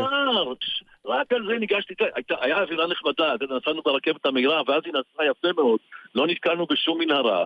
הייתה קצת אווירה נוסטלגית בסחבקית, נזכרנו ברכבות של שנות ה-60, נתניהו ואני פחות, לא, פחות או יותר מאותו מחזור, הוא טיפה צעיר ממני, איך היינו נוסעים פעם ברכבות מתחנת הרכבת הראשונה היום בירושלים, העות'מאנית. כן. וגם אני אמרתי, יום אחד, בעוד מאה שנה, יסתכלו על התמונות שלנו כאן, ברכבת, כמו שאנחנו מסתכלים על האדונים עם השפמים והכובעים האוסטרליים שנסעו ברכבת הראשונה מיפו ל- לירושלים.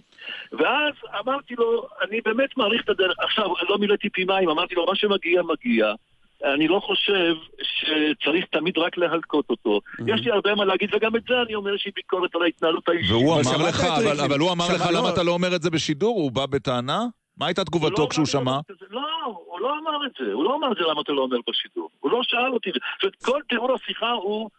אני לא רוצה, זה ראש ממשלה, ואני באמת לא רוצה לפגוע בכבודו. אני, כל ממשלה, גם, גם אדם שקראתי לו פעם ביבי והיינו מדברים בטלפון, אני, הוא עכשיו ראש הממשלה. אני לא רוצה לפגוע בכבודו, אבל נזכרתי, אה, כשפרץ כל העניין הזה, באמירה ההיא המיתולוגית של איציק מרדכי, שאמר לנתניהו, תסתכל ביבי, תסתכל, תסתכל לי בעיניים. אוקיי, עכשיו אני תגיד- לא אמרתי. לא אני- אמרת. אני לא, לא, אגב, אני לא, חוץ מאשתי שיושבת פה על ידי במכונית עכשיו, דש. אני לא מעריץ אף אחד. לא, אני יפה. לא מעריץ אף אחד. תגיד, לא אבל- מעריץ, אני לא, כן. אבל ארי, זו הזדמנות טובה לשאול, הרי הנאום של ראש הממשלה לא בא בחלל ריק, הוא בא על רקע של התכתשות ארוכת שנים בין נתניהו לתקשורת, ש... שממנה נתניהו גם נבנה. ששני הוא חרש על הגב שלי כדי את הוא חרש על. הגב שלך, התקשורת חרשה על הגב שלו, אז כולם פיטים. למדת בישיבה, הוא הביא אותי כתנא מסייע, דמסייע. נכון, תנא. דמסייע, כן. א- א- א- אבל, בדיוק. אבל אריה, אני רוצה לשאול אותך על הטור, דיברת הרבה, אתה פותח את יומן הבוקר אה, לבודדים שלא מאזינים לגלי צה"ל בשעות האלה כמובן.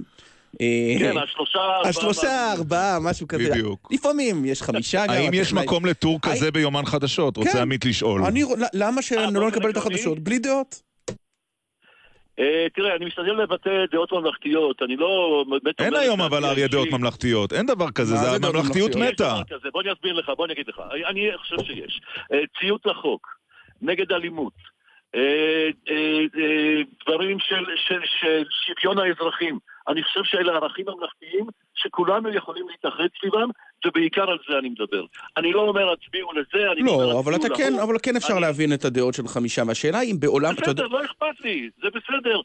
זה בסדר, זה אה. בסדר גמור, יש לי דעות, אני לא אוטומט, אני יהודי בן 71 עם הרבה מאוד ניסיון אה, בעיתונות, ואתה יודע מה, אם אני אומר בדקה משהו מתומצת, אנשים, רוב המאזינים, ויש לנו אה, יותר מארבעה חמישה, ואתם יודעים את זה, התוכנית היא מאוד מואזנת, הכי מואזנת בישראל. ברדיו הישראלי. רוב האנשים מאוד אוהבים את זה, ואני שמח מאוד כשאומרים לי, אנחנו מחכים בבוקר לשמוע מה תגיד בשבע. כן, אבל כשאתה יודע, כשגאולה אבן אמרה איזה משפט ערכי שהוא לא בדיוק בקו הזה, מיד התנפלו עליה. מה זה התנפלו? שזה כבר אסור, שזה, שהיא חטאה. מי בכלל שתביע וואו. את דעות בשידור הציבורי? מה היא חטפה? אני יודע. אה, וגם אני- אז, אני- וגם אז אתה יודע... תראו, אני, כן. אתה יודע מה, אני חוטף, אני, מדי פעם מגיע מכתב תלונה במייל לנציב קבילות הציבור של, אה, של כאן. כן. הכי פחות, הכי פחות תלונות מגיעות על הפתיח. כי אני משתדל שהפתיח יהיה שקול, שיהיה הגון, שיהיה אחראי, שלא יהיה משתלח, אני כותב אותו בבית, בשום שכל, אני מקריא אותו לאישה שאני מעריץ, עליזה, שיושבת פה על ידי. אני חושב על זה הרבה. לפעמים אני חושב על זה כל הדרך מהגבעה הצרפתית בירושלים עד האולפן במודיעין, עוד יש לי אה, 35 דקות לחשוב. זה לא איזה פליטה. כן. אני אומר, לפעמים בריאיון אתה קצת נסחף. כן. אבל אני אתן לך דוגמה. כן אבל אריה, השבוע כן. אמרת על נתניהו, השווית אותו לראש משפחת פשע, שינהל את העניינים מהכלא. והשאלה היא איזה התבטאות ממלכתית. הנה, הנה. הנה, בוא אני אגיד לך. קודם כל זה לא היה בפתיח. אתה נכון. לא האזנת בקשב. זה נכון. לא היה בפתיח, זה היה בשאלה לדוד. עמית צריך לחדד את הקשב, אין ספק, כן. אתה צריך, אה, כן. אה, אז זה היה בשאלה, ראיינתי את דוד ביטן. ואמרתי לו שיש לי תחושה שמאות אלפים בישראל, שבאמת מעריצים את נתניהו, אני לא ביניהם, אבל יש הרבה אנשים כאלה. ואני מכיר אותם, אני מדבר איתם, אני שומע אותם, שיהיו מוכנים שהוא ינהל את המדינה מהכלא, כמו שנלסון מנדלה, הזכרתי קודם כל נלסון מנדלה, תפסו את ראש המאפיה. אני אמרתי, נלסון מנדלה היה איש נערץ, מנהיג עולמי, קיבל פרס נובל, שהוא ישב בכלא. זאת אומרת, יש עניין של אסירים פוליטיים. ואני שאלתי אותו, הכוונה הייתה, אולי לא ניסחתי את זה מספיק טוב. המשפט- המשפט הנוסף היה אולי אה, מיותר. אז הוא אמר, לא, אז הוא אמר, רגע, שנייה, אם כבר. אז הוא אמר, איך אפשר לנהל מדינה מהכלא? אז אמרתי לו, תשמע, אם ראש כנופיה או מאפיה יכול לנהל את המדינה מהכלא עם טלפון, אז ראש ממשלה שהוא אסיר פוליטי, לא יכול, יש לו צוות, יש לו אנשים בחוץ, יש לו משרד, יש לו נאמנים, יש לו שליחים, לא יוכל לנהל את המדינה? אני, אני בא ממזרח אירופה, אני עליתי כילד. אני זוכר ראשי ממשלה שהגיעו לשלטון מתא הכלא. כן. גומוקה, אותו מפורסם, אותו אה, אה, פולני מפורסם שבזכותו אני עליתי ארצה, ששחרר כן. את היהודים מפולין, מתא הכלא שבו הוא ישב כאסיר פוליטי, ואנשים יראו בנתניהו אסיר פוליטי, מכיוון שכל העניין הוא, הוא מעמיד אותו על עניין המילה פוליטי. מאפיה, אבל אולי הייתה לא, מיותרת. כן, אולי הייתה מיותרת. טוב, אה, אה, אה, אתה יודע מה, יכול להיות שברעיון אחר לא הייתי מסכים. אתה רוצה... אנחנו רוצים להיעזר בשירותיך הטובים, כיוון שאתה כבר איתנו, בקיא ב... אני תמיד מוכן לעזור לגלי צה"ל. שאני אנחנו מוכן. הרבה מאוד שנים, מאז היותך איש מילואים של התחנה, ושדר שהתחיל את דרכו כאן. אני רואה את עצמי עדיין איש מילואים. מאה אחוז. דודי אמסלם, יושב ראש הקואליציה, עולה איתנו. תן שאלה לנו את. השאלה. שלום, חבר הכנסת אמסלם. שאלה ראשונה. בוקר טוב. אריה גולן שואל את השאלה הראשונה הבוקר. בבקשה, מר גולן. אריה? או, לא שמענו אותך. בבקשה, מה השאלה, אריה? אני אזכה לשאול כאן שאלות, כן. אבל האם הוא... אה, יש היום ידיעה של גידי וייץ בעיתון הארץ, שבה הוא אומר שיעקב ויינוד, זיכרונו לברכה, שעליו דיברתם קודם, אה, הייתה לו איזה תוכנית או מתווה איך לחלץ את נתניהו מכל המשפטים והחקירות וכל מה שעלול עוד לקרות לו. בזה שהוא ינצח בבחירות הבאות, יעשה איזה מהלך היסטורי גדול, אה, נגיד שלום עם איזה מדינה ערבית שעדיין אין לנו שלום איתה, ואז הוא ילך לעסקת טיעון, הכל ייסלח לו והוא יפרוש לביתו. נראה, נראית לך התוכנית הזאת, המתווה הזה של יעקב ויינוט המנוח, שהיה איש מאוד מאוד חכם, חבר יוצא מהכלל של נתניהו. בבקשה, חבר הכנסת אמסלם. תודה, אריה. כן, חבר הכנסת אמסלם, בתשובה. קודם כל, אני באמת לא- לא יודע מה אה, חשב ויינו- ויינורד, זיכרונו לברכה, אבל לי זה נראה תסריט הוליוודי, אבל אה, אתה יודע. כלומר, לא יקרה. אני לא יודע אם לא, אתה רואה, אני למדתי בחיי שכל דבר יכול לקרות, אבל להערכתי זה הגבול. מהמם. אז זה לא יקרה כנראה. אה, אה, שמעת אתמול את היועץ המשפטי לממשלה? אה, מדבר עליך? בלי שהזכיר אותך בשמך? הוא הרבה פעמים מדבר על החוקים שאני מגיש בלי להזכיר אותי בשמי. לא, לא. בוא תשמע, בוא תשמע, בוא תשמע, אנחנו, סליחה, בוא נאמר, אנחנו חושבים שהוא דיבר בין היתר עליך. בוא נשמע. הנה. מתקרב מועד ההכרעה בתיקי החקירה שנוגעים לראש הממשלה. ואני לא יכול בדיוק להגיד מתי תתקבל ההכרעה בהם, אבל אני כן יודע שהמאמצים לעשות דה-לגיטימציה לעבודת פרקליטות המדינה ולעבודתי שלי רק ילכו ויתעצמו. והוא דיבר אז על אה, מה שאמרת השבוע ב"קול ישראל", או בשבוע שעבר, שאתה, אה, אם תבוא הצעת אה, שמירת החסינות של ראש הממשלה, אתה תצביע בעדה בכל מקרה. תראה, אני רוצה להגיד לך משהו, נגד ראש ממשלת ישראל בנימין נתניהו בכל תקופת כהונותיו כראש הממשלה נפתחו 19 חקירות פליליות. רבותיי, 19. זה משהו הזוי. בן אדם רגיל לא יכול להתמודד עם, שני, עם, שתי, אה, אה, עם שני תיקים. במקביל, בוודאי שלא. אני לא מדבר על העלויות הכספיות, לדעתי ראש הממשלה צריך בעצם, היה צריך לעבוד 50 שנה רק כדי לכסות את ה... במשכורת ראש הממשלה, כדי לכסות רק את התביעות האלה. עכשיו, משהו מטורף פה. אבל נגד אולמרט נפתחו 12 רק תיקים. פליליים. ובסוף הוא עמד לדין, הייתה החלטה להעמיד אותו לדין. אני מסכים איתך גם לגבי זה. עכשיו, מה קרה? לא, אני חושב שיש פה איזושהי מערכת שיוצאת מהאיזון, לא ביום אחד. היא התחילה קצת לפני, הרי אתה לא מנסה ביום הראשון ומהלך מהסוג הזה. מערכת שבראשה עומד דוקטור מנדלבליט. תראה, אני לא נכנס לפרסונות, אני מסתכל כרגע ל-DNA של כשזה היה אלשיך נכנסת. תראה, שנייה. אה, גם, לה- דרך אגב, מעולם לא דיברתי על אלשיך. על המשטרה, על המשטרה. כן. המשטרה. עכשיו, אני אומר, גם לגבי שאלתך לגבי מנדלבליט, ואני אומר לך את זה כפקיד הרבה מאוד שנים. כשאתה נכנס לתוך מערכת, מערכת חיצונית, קשה לך מאוד, במיוחד במערכות גדולות, אה, קשה לך מאוד אה, להשתלט עליהם בהתחלה. ולכן, בסופו של דבר, או שאתה מיישר איתם קו, או שאתה בבעיה. ואם אתה רוצה לשנות את, את ה-DNA הפנימי, זה לוקח הרבה מאוד שנים. אז לכן, אני משתדל לא לדבר על פרסונה שנכנסת, בגלל שזה לא הוא הנושא, הוא לא יכול לבד. אבל אתה- השאלה אם אתה סומך על ראש התביעה הכללית במדינת ישראל. אני אגיד כזה דבר, אני, לכן אני אמר, אמרתי לך את זה קודם, אה, אה, ירון. בסופו של דבר, אתה לא יכול להיות אחד ב, מתוך אה, מאה שאתה בעצם אומר א' וכל ה-99 האחרים אומרים ב'. אתה חי בתוך קבוצה. עכשיו, כל אחד יש לו את הטיעונים, מה הוא מעלה את הטיעונים. אני תמיד אומר, תגיד לי לאן אתה רוצה ללכת, ואני אמצא לך 100 טיעונים למה כדאי ללכת. לשם. ואם אתה רוצה הפוכים, גם 100 הפוכים. השאלה היא באיזה זווית אתה בא לעניין. אני טוען, חקירות ראש ממשלה נוכחיות, היה אסור להן להיפתח בכלל מלכתחילה. למה? לא הבנתי. אולמר- אולמרט הלך לכלא. לשווא? אני הסברתי. אולמרט הלך לכלא לשווא? ראש, מ- תראה, אה, ראש הממשלה נתניהו לא נחקר על זה שהוא קיבל והופקד ב- בחשבוניו כספים. כן, אבל לשיטתך, אבל לשיטתך, גם החקירה נגד אולמרט לא הייתה צריכה להיפתח. או כי- שזה פוליטי ורק אה, נגד ראש ראש הליכוד אי אפשר לפתוח בחקירה. גם נגד, לא, גם נגד אהוד אולמרט נפתחו הרבה מאוד תיקים שאתה יודע כמוני שהיה אסור לפתוח אותם. עכשיו, מה קורה? בסופו של דבר, יש פה הרבה חיצים שיורים אותם, ואומרים, שמע, מספיק אחד, הרי כדי להרוג ראש ממשלה או כדי לפצוע אותו אנושות, אתה לא צריך לפגוע בכל התיקים. מספיק אחד. אוקיי. אז לכן אני חושב שזה בעצם, זה- זה- זאתי אז מה. חשבת על האמירה של היועץ המשפטי לממשלה?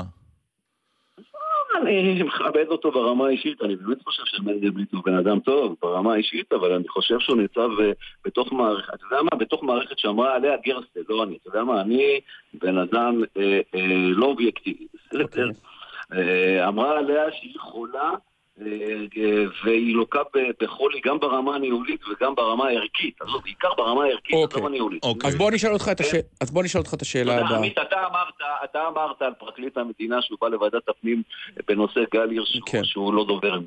שהוא אה, לא דייק בלשון המעטה, כן. האם, האם אבל בסוף עם התסריט שעמית תיאר אותו, אה, חבר הכנסת. אמסלם, שבבוא היום, אם יוחלט להגיש כתב אישום, והיה מהיועץ המשפטי לממשלה יבקש להעמיד את ראש הממשלה למשפט מתי שהוא לא יחליט, וזה לוקח הרבה מאוד זמן, האם התסריט שראש הממשלה מבקש חסינות מהכנסת, הוא מקבל אותה, או בעיניך תסריט ריאלי? אני חושב שאנחנו צריכים לשנות בכלל, בלי קשר לראש הממשלה, את כל סוגיית חוק חסינות הכנסת בין היתר. אבל זה לא מה ששאלתי. שנייה, דקה. כולל גם החוק, אני הגשתי את החוק הצרפתי, זה דבר שהבאתי אותו מהבית. זה לא ראש הממשלה... אה, מצרפת הבאת אותו. מה זה? זה מצרפת הבאת. דרך אגב, מישהו הדביק לו את החוק הצרפתי, אבל אה, אתה יודע, אני בדקתי את זה, אני אראה לך, אני אראה לך עבודת מחקר שעשו בכנסת. כי אין דבר כזה בעולם, באף מדינה אבל בעולם. אז שב- אז רק שאלה לסיום. רגע, אבל הוא לא ענה על השאלה שלי, האם זה תסריט ריאלי? עכשיו- זה כל מה שרציתי עכשיו לשאול. לגבי שאלתך, אני. חושב שמנדלבליט לא יגיש אה, אוקיי. כתבי אישום, לא יעז להגיש כתבי אישום בשטויות האלה. לא יעז, הרי אני אגיד לך משהו. החקירה בתיק 4000 זה לא כל כך שטויות, אה, חבר הכנסת אמסלם. זה נראה לי קשקושים. אוקיי. הכל קשקוש, טוב, שאלה- גדול. הכל הכל. שאלה אחרונה, אז כשמשה כחלון אומר זה לא יקרה. שהוא לא יישאר בממשלה תחת כתב אישום, הוא אומר את זה במילים אחרות, ואורלי לוי אומרת את זה. זה, זה למעשה כבר uh, תחילת הסוף של כהונת נתניהו, לכאורה. אם יהיה כתב אישום. קודם כל, אתה יודע, אתם אה, מחלקים את אורו של הזור עוד לפני שצדתם אותו. קודם כל, בואו נ... קודם כל נלך לבחירות. ואחרי זה אה, אה, נעבור את הבחירות. ואחרי זה נראה גם מה קיבלו כל אחד, כל אחד מה קיבל. ויכול להיות, ובואו נראה אחרי זה מה תהיה עמדתו של כל אחד. אז לכן, עזוב, אני לא מתרגש משום דבר, אני יודע רק דבר אחד, בלי קשר אם ראש הממשלה ירצה להמשיך להיות ראש הממשלה, לא. אני חושב שעושים לו עוול עצום, כן. ואני חושב בעיקר עושים עוול למדינת ישראל. אני אמרתי את זה הרבה פעמים. אני נכון. איש ישר והגון לא פחות מכל אלה שיושבים בפרקליטות האלה. אני רוצה טובת. המדינה, ובוודאי שאני לא רוצה שראש הממשלה שלי יהיה בן אדם לא הגון ולא ישר, אבל אני חושב שמה שקורה כאן זה דבר שהוא באמת חסר תקדים במדינה דמוקרטית. אנחנו- מדיחים ראש ממשלה על שטויות. אנחנו נעצור כאן. חבר הכנסת דודי אמסלם, יושב ראש הקואליציה. תודה רבה לך. תודה על השיחה הזו. כל טוב ויום טוב. יום טוב גם לך. עמית, אחרי ה... רגע, רציתי לשאול אותך שאלה אחת. אה, אנחנו כל הזמן במערכת התקשורתית וגם הפוליטית מתייחסים ל... ל... לסוגיית הבחירות כאילו הכל חתום, גמור, ומה שהיה הוא שיהיה. אנחנו לא קצת... אה, קצת? קצת? לא יודע, אנחנו לא... בוא, ישאל, ישאל את עצמו המאזין, ייקח את הסקרים של כל, הכל באינטרנט, ייקח את הסקר הראשון של כל מערכת בחירות בשלושים שנה האחרונות, ואת התוצאות האמת, והקשר ביניהם הוא הרבה כי פעמים בסוף מקרי נתניהו בהחלט. ב-2015 כן אה, הזיע במערכת הבחירות קשות. אחרי- אחרי ההסכם של לבני והרצוג. ב-2013 הוא השיג את הרוב שלו רק בקולות החיילים, ב-2009 הפסיד במנדט וכולי. זאת אומרת, התוצאות הן תמיד שונות ממה שיש למרות בהתחלה. שכרגע לא נראה מישהו שמאיים עליו, אבל אבל אני לא ראיתי. סקר, ראיתי סקר אחד, אני לא זוכר איפה זה היה, של אה, לפיד וגנץ כמספר 2. במקור ראשון, כן. במקור ראשון, 24 מנדטים. זאת אומרת שכל החיבורים האלה יכולים לשנות את פניה של מערכת הבחירות, לא רק את התוצאות, גם את הדינמיקה שלה. אז למה אנחנו בראש. תורמים? למה אנחנו תורמים לזה שמה שהיה הוא שיהיה? כי אחרת איך, אני, קודם כל, אחרת איך נופתע אם אה, לא נחזה בביטחון. לא, אבל, אבל, אבל זה נכון לשני דברים, זה נכון גם, הר- הרי אנחנו לוקחים כמובן מאליו שיהיו שני דברים. ניצחון של נתניהו בבחירות, וכתב אישום חמור. עכשיו, בוא נודה על האמת, אנחנו לא יודעים אם נתניהו ינצח, אנחנו לא יודעים אם יהיה כתב אישום, אנחנו לא יודעים איזה כתב אישום יהיה, ולכן אה, אנחנו צועדים תמיד אני, יש לי בערפל. תחושה שאנחנו איכשהו מקדשים את ה... הכל ברור, הכל חתום, אין, אין למעשה בחירות, הכל מה שאני... כמעט כל השרים ממשיכים בתפקידם, כמו שאמר חבר הכנסת ביטן לפני איזה שנה. כן. מעניין. טוב, אחרי החסויות והג'ינגלים, אחרי החסויות התשדירים, נעלה את רכבת, הרכבת לירושלים על ראש שמחתנו. ובכלל את הרכבת. כן. 052-921-0021, שאלות ב-21 בנושא. תחבורה. כן. אה, שאלות למנכ"ל בנושא תחבורה, נכון. נכון. אפס, אני, סליחה, אני חשבתי שאתה רוצה סתם אה, אה, לתת את המספר 20 דקות לפני שאנחנו נאלצים? לפנות את הכיסא בלית ברירה. אה, 052-921-0021, שאלות למנכ"לית משרד התחבורה קרן טרנר אייל, שאיתנו על הקו. שלום. בוקר טוב. נסעת ברכבת לירושלים, או שבדיוק היא נתקעה? לא, נסעתי והיה מרהיב, ו... והאמת שממש ממש התרגשתי. כי אני התחלתי לעבוד בירושלים ב-2004, ו... וכל הזמן הבטיחו לי שעוד רגע יש רכבת. נסיעת עבודה נסעת? זמן. או, או בהשקה החגיגית המופלאה? נסעתי לדוגמה אתמול, אתמול אה, אחר כן? הצהריים. כי משרד התחבורה אה, קרוב ברגל, אז אם מנכ"לית משרד התחבורה לא תיסע ברכבת לעבודה, מי כן? כן, לא, אבל גם אתה נסעת, עמית, וראית נכון. שזה מדהים. זה מדהים. ולמזלך, ולמזלך לא נתקעתם במ- במנהרה ולא, ולא קרה שום דבר, כי זה מזל גדול בימים וגם לא אלה. רק אני, רוב, רוב, רוב הנסיעות לא נתקעות. אבל גם בואו נזכור, זה, מעבר לזה. שזה פרויקט מורכב, ושבעה מיליארד שקלים, ומנהרות הכי ארוכות, קשרים הכי גבוהים, תחנה הכי עמוקה, אז נו. הוא גם מחושמל חוץ מהאתגר ההנדסי, זה הקו בהרצה. יפה. עכשיו, אנחנו נתנו דגש על בטיחות, השר בעניין הזה לא התפשר, ואפילו דחינו את נכון. מועד הפתיחה בגלל נושא בטיחות. ואז גם הוא חטף בגלל הדחייה הזו. עכשיו הוא חוטף למה הוא אנחנו תמיד פתח. חוטפים. כן, כן. אנחנו תמיד חוטפים, זה כבר ספורט לאומי. אמ, ו- ולא התפשרנו על העניין של הבטיחות, גם יועצים מחו"ל ומבחנים בינלאומיים והקו בטוח. אז הוא פתוח והוא בהרצה, והנסיעה חינם, היא מוגבלת ל-400 איש. נכון. וכן, קורות תקלות, הן ילכו ויפחתו, אנחנו גם נשפר את הדרך שבה אנחנו מודיעים לציבור כאשר קורות תקלות. אבל הבעיה, קרן טרנר אייל, אבל רגע, רק שנייה, שנייה, כן. שנייה. ברוב רוב רוב הנסיעות, הכל כשורה. היה מהמם. אבל הבעיה היא בכלל לא עם הקו לירושלים. הבעיה היא שלצורך פתיחת הקו לירושלים, אתם למעשה הטלתם עומסים מאוד כבדים על שאר הקווים שהם לא בהרצה.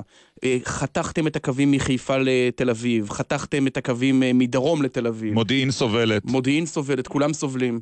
אולי זאת הייתה טעות קשה, תודו בה, שלא נערכתם מספיק בזמן להביא את הקרונות הנוספים. זה, זה לא קרונות שחסרים לקו בירושלים. זה לא שהקו לא, בירושלים... לכל הקווים האחרים. אבל באופן כללי יש צפיפות ברשת, צפיפות שמאוד לא נוח לנו איתה. אמ, ו- ונכון, לא חזינו 36% גידול בתנועת הנוסעים בשלוש שנים. והחוסר בקרונות הוא, הוא ממספר סיבות. מה הם? גם תאונה שהייתה, גם אה, מיקור חוץ לתחזוקה שלא בדיוק מסתדר, וגם השבית כמה מערכים. מתי יגיעו עוד קרונות? וגם, וגם, ו, וגם תחזית שבסוף הכתה את כל המומחים. אף אחד לא חזה 36% גידול אוקיי. מ-2016 עד היום. עכשיו איך מבורך. פותרים את הבעיה? את הבעיה תיארת הזמן- באופן רהוט. איך פותרים אותה? אז כל הזמן מגיעים עוד ועוד קרונות. אה, הזמנו, את המנה האחרונה הזמנו כבר ב-2017, והיא מתחילה להגיע באמצע שנת, עד אמצע שנת 2019, הכל כבר יגיע. כמה, כמה קרונות, כמה קרונות. יגיעו? עוד כמה קרונות יגיעו? זה, זה מנות, אה, מנות, זו המנה השישית, הרביעית כבר הגיעה, חמישית בדרך, כל אחת מהמנות עוד האלה. 30, זה כמה 40, עשרות. 50, 60, כמה לא, עשרות? קצת יותר. אה, אוקיי, קצת. וכמה קרונות יש אה, בכל הארץ? רק לס... זה, זה, זה, אני לא זוכרת. בערך, כמה מאות? אה, אה, התקלת אותה. להגיד. מה, המנכ"לית צריכה לדעת כמה לא, קרונות אני בדיוק? מנסה, אני היא לא מנסה מנכ"לית להבין. האם, באמצע 2000... כמה רמזורים יש בכל הארץ. האם באמצע כמה? 2019, האם באמצע 2019, כשיגיעו כל הקרונות האלה, בעצם כל הבעיות העומס יהיו מאחורינו? עד נתב"ג. לא, בכל אז- הארץ. אז צריך, לא, אז צריך להגיד, גם כאשר יגיעו קרונות, זה גם היצע יוצר ביקוש. השירות ברכבת הוא, אה, הוא שירות שאנשים אוהבים, זה הבעת אמון, אחוז הגידול הזה, גם הפחתנו תעריפים והנגשנו את הרכבת בעצם. אה, פתחנו קווים לפריפריה, לנגב, לגליל, לבית שאן. אה, אמרו שאף אחד לא ייסע ונוסעים בהמוניהם. אגב, יש בזה משהו קצת עצוב שכולם נוסעים לתל אביב, ואנחנו לא נשענים על ארבעה מטרופולינים במדינת ישראל. כן. אבל את יודעת, את. יודעת, אבל, אבל הגידול הוא גידול הוא, הוא גידול קבוע במספר הנוסעים, לא, אז, אז איך לא, זה שאתם לא לא יכולים לחזות? יש גידול של לא, מדי שנה? כן. לא, מ-2016 הגידול הוא, ב, הוא בקפיצה שלא, זה לא הקצב שהיה. זאת אומרת, כל שנה יש גידול, אבל לא בהיקפים האלה. כן. אה, ו- הצפיפות תשתפר מאוד, לא נראה את המראות המזעזעים של הקו הצפוני, אה, אבל צריך להגיד, אנחנו עוד מעט מגיעים לשיא הקיבולת בגלל שהמסילה הרביעית באיילון הייתה תקועה הרבה מאוד זמן, ומתי היא ת- לשמחתי מתי היא תהיה? מתי תהיה אז- המסילה הרביעית? אז אחרי המון שנים שהמסילה הייתה תקועה במוסדות התכנון, הצלחנו לשחרר אותה במוסדות התכנון ואנחנו כבר מתחילים עם העבודות קידום, אה, קידום הזמינות של הפרויקט הזה. מתי? אה, וגם זה ייקח כמה שנים. אנחנו עושים אבל גם עוד אה, זאת אומרת שהעומס יימשך, העומס, אז יימשך זה שם. כמה שנים, לא, עד, עד 2000, עד אמצע 19 או, או סוף 19 העומס לא, הנוכחי? המצב מאוד השתפר כבר כאשר הגיעו הקרונות הנוכחיים. אגב, מהצפון הורדנו את הרכבת השלישית בשעת שיא, ומתוך שלוש רכבות שהורדנו, הצלחנו להחזיר שתיים. אז גם קצת מיתנו את הפגיעה, אז התמונות שרואים הן הן זה תמונות... נכון, אגב, ש... זה נכון, זה נכון אגב שאין אין אפילו מוסך תחזוקה לרכבת החשמלית וגוררים אותם עם אה, הכל עם דיזל? זה, אתה יודע, זה תיאור ש, שהוא נראה חלם, נכון. שאנחנו, אבל אנחנו לא מחכים שהכל יהיה מושלם כדי לפתוח את הפרויקטים. אנחנו גם מאוד גאים בזה. לא עושים מהפכת תשתיות על ידי זה שמחכים שהכל יהיה מושלם לפני שיוצאים למכרז, ומחכים שהכל יהיה לא, אבל, מושלם. אבל, אבל קרן, כן. קרן טרנר, הסיפור הוא יותר פשוט. יש מאות אלפי אנשים, או עשרות אלפי אנשים, מאות אלפי נסיעות, בקו בין אה, הצפון לבין תל אביב. גם אם תחזירו את המצב לקדמותו, שלוש רכבות בשעה זה, זה פשוט לא מספיק, זה לא, קרוב זה להיות... שלוש רכבות מנהריה, בין חיפה לתל אביב יש כבר ח, אה, ח, אה, חמש, או זה, זה כבר ליגה אחרת. תשמע, בתוכנית האסטרטגית שלנו, המטרופולינים אמורים להיות מחוברים עם בין שש לשמונה רכבות בשעה, ורכבות מהירות, הגישה תהיה אל המטרופולינים, גישה מהירה בין המטרופולינים, זה הכיוון שלנו. Mm. אבל את יודעת, יש משהו יותר מהותי בהמשך למה ש... מתוכננים לזה וגם... מה שעמית שאל, זה, זה פרויקט שמדברים עליו 23 שנים. מתכננים אותו, אני לא יודע כמה, ובסוף... עמית מחכה לו מאז שהוא היה... מאז שהוא נולד, הוא ישראל. מחכה לו, הוא כבר, זה כבר מעל שלו, הילד בן המדינה- 30. המדינה מחכה לו. בדיוק, ואז כש- אחרי שמתכננים אותו ככה הרבה שנים, ו- ו- ובסוף הוא נפתח וזה בהרצה וזה מקרטע. זה אין לך איזה... אבל אנחנו יודעים שהקו בטיחותי, אז מה, נעשה הרצה ונגיד לנוסעים אתם אתם לא לא יכולים לבוא לנסוע? נכון. אנחנו אומרים שזה בהרצה, וצריך להירשם אה, מראש, או להגיע... למה אגב צריך להירשם מראש? למה פשוט אי אפשר לבוא ולקנות כרטיס?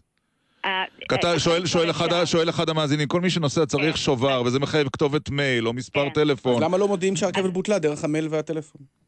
זהו, אז את שני הדברים האלה אנחנו משפרים, אז אנחנו בקרוב מאוד נתחיל להודיע, כל מי שיירשם יקבל הודעה ב-SMS, אה, במייל שהרכבת בוטלה או נדחתה, אני מקווה שגם לא נצטרך להודיע, כי כבר התקלות יתייצבו.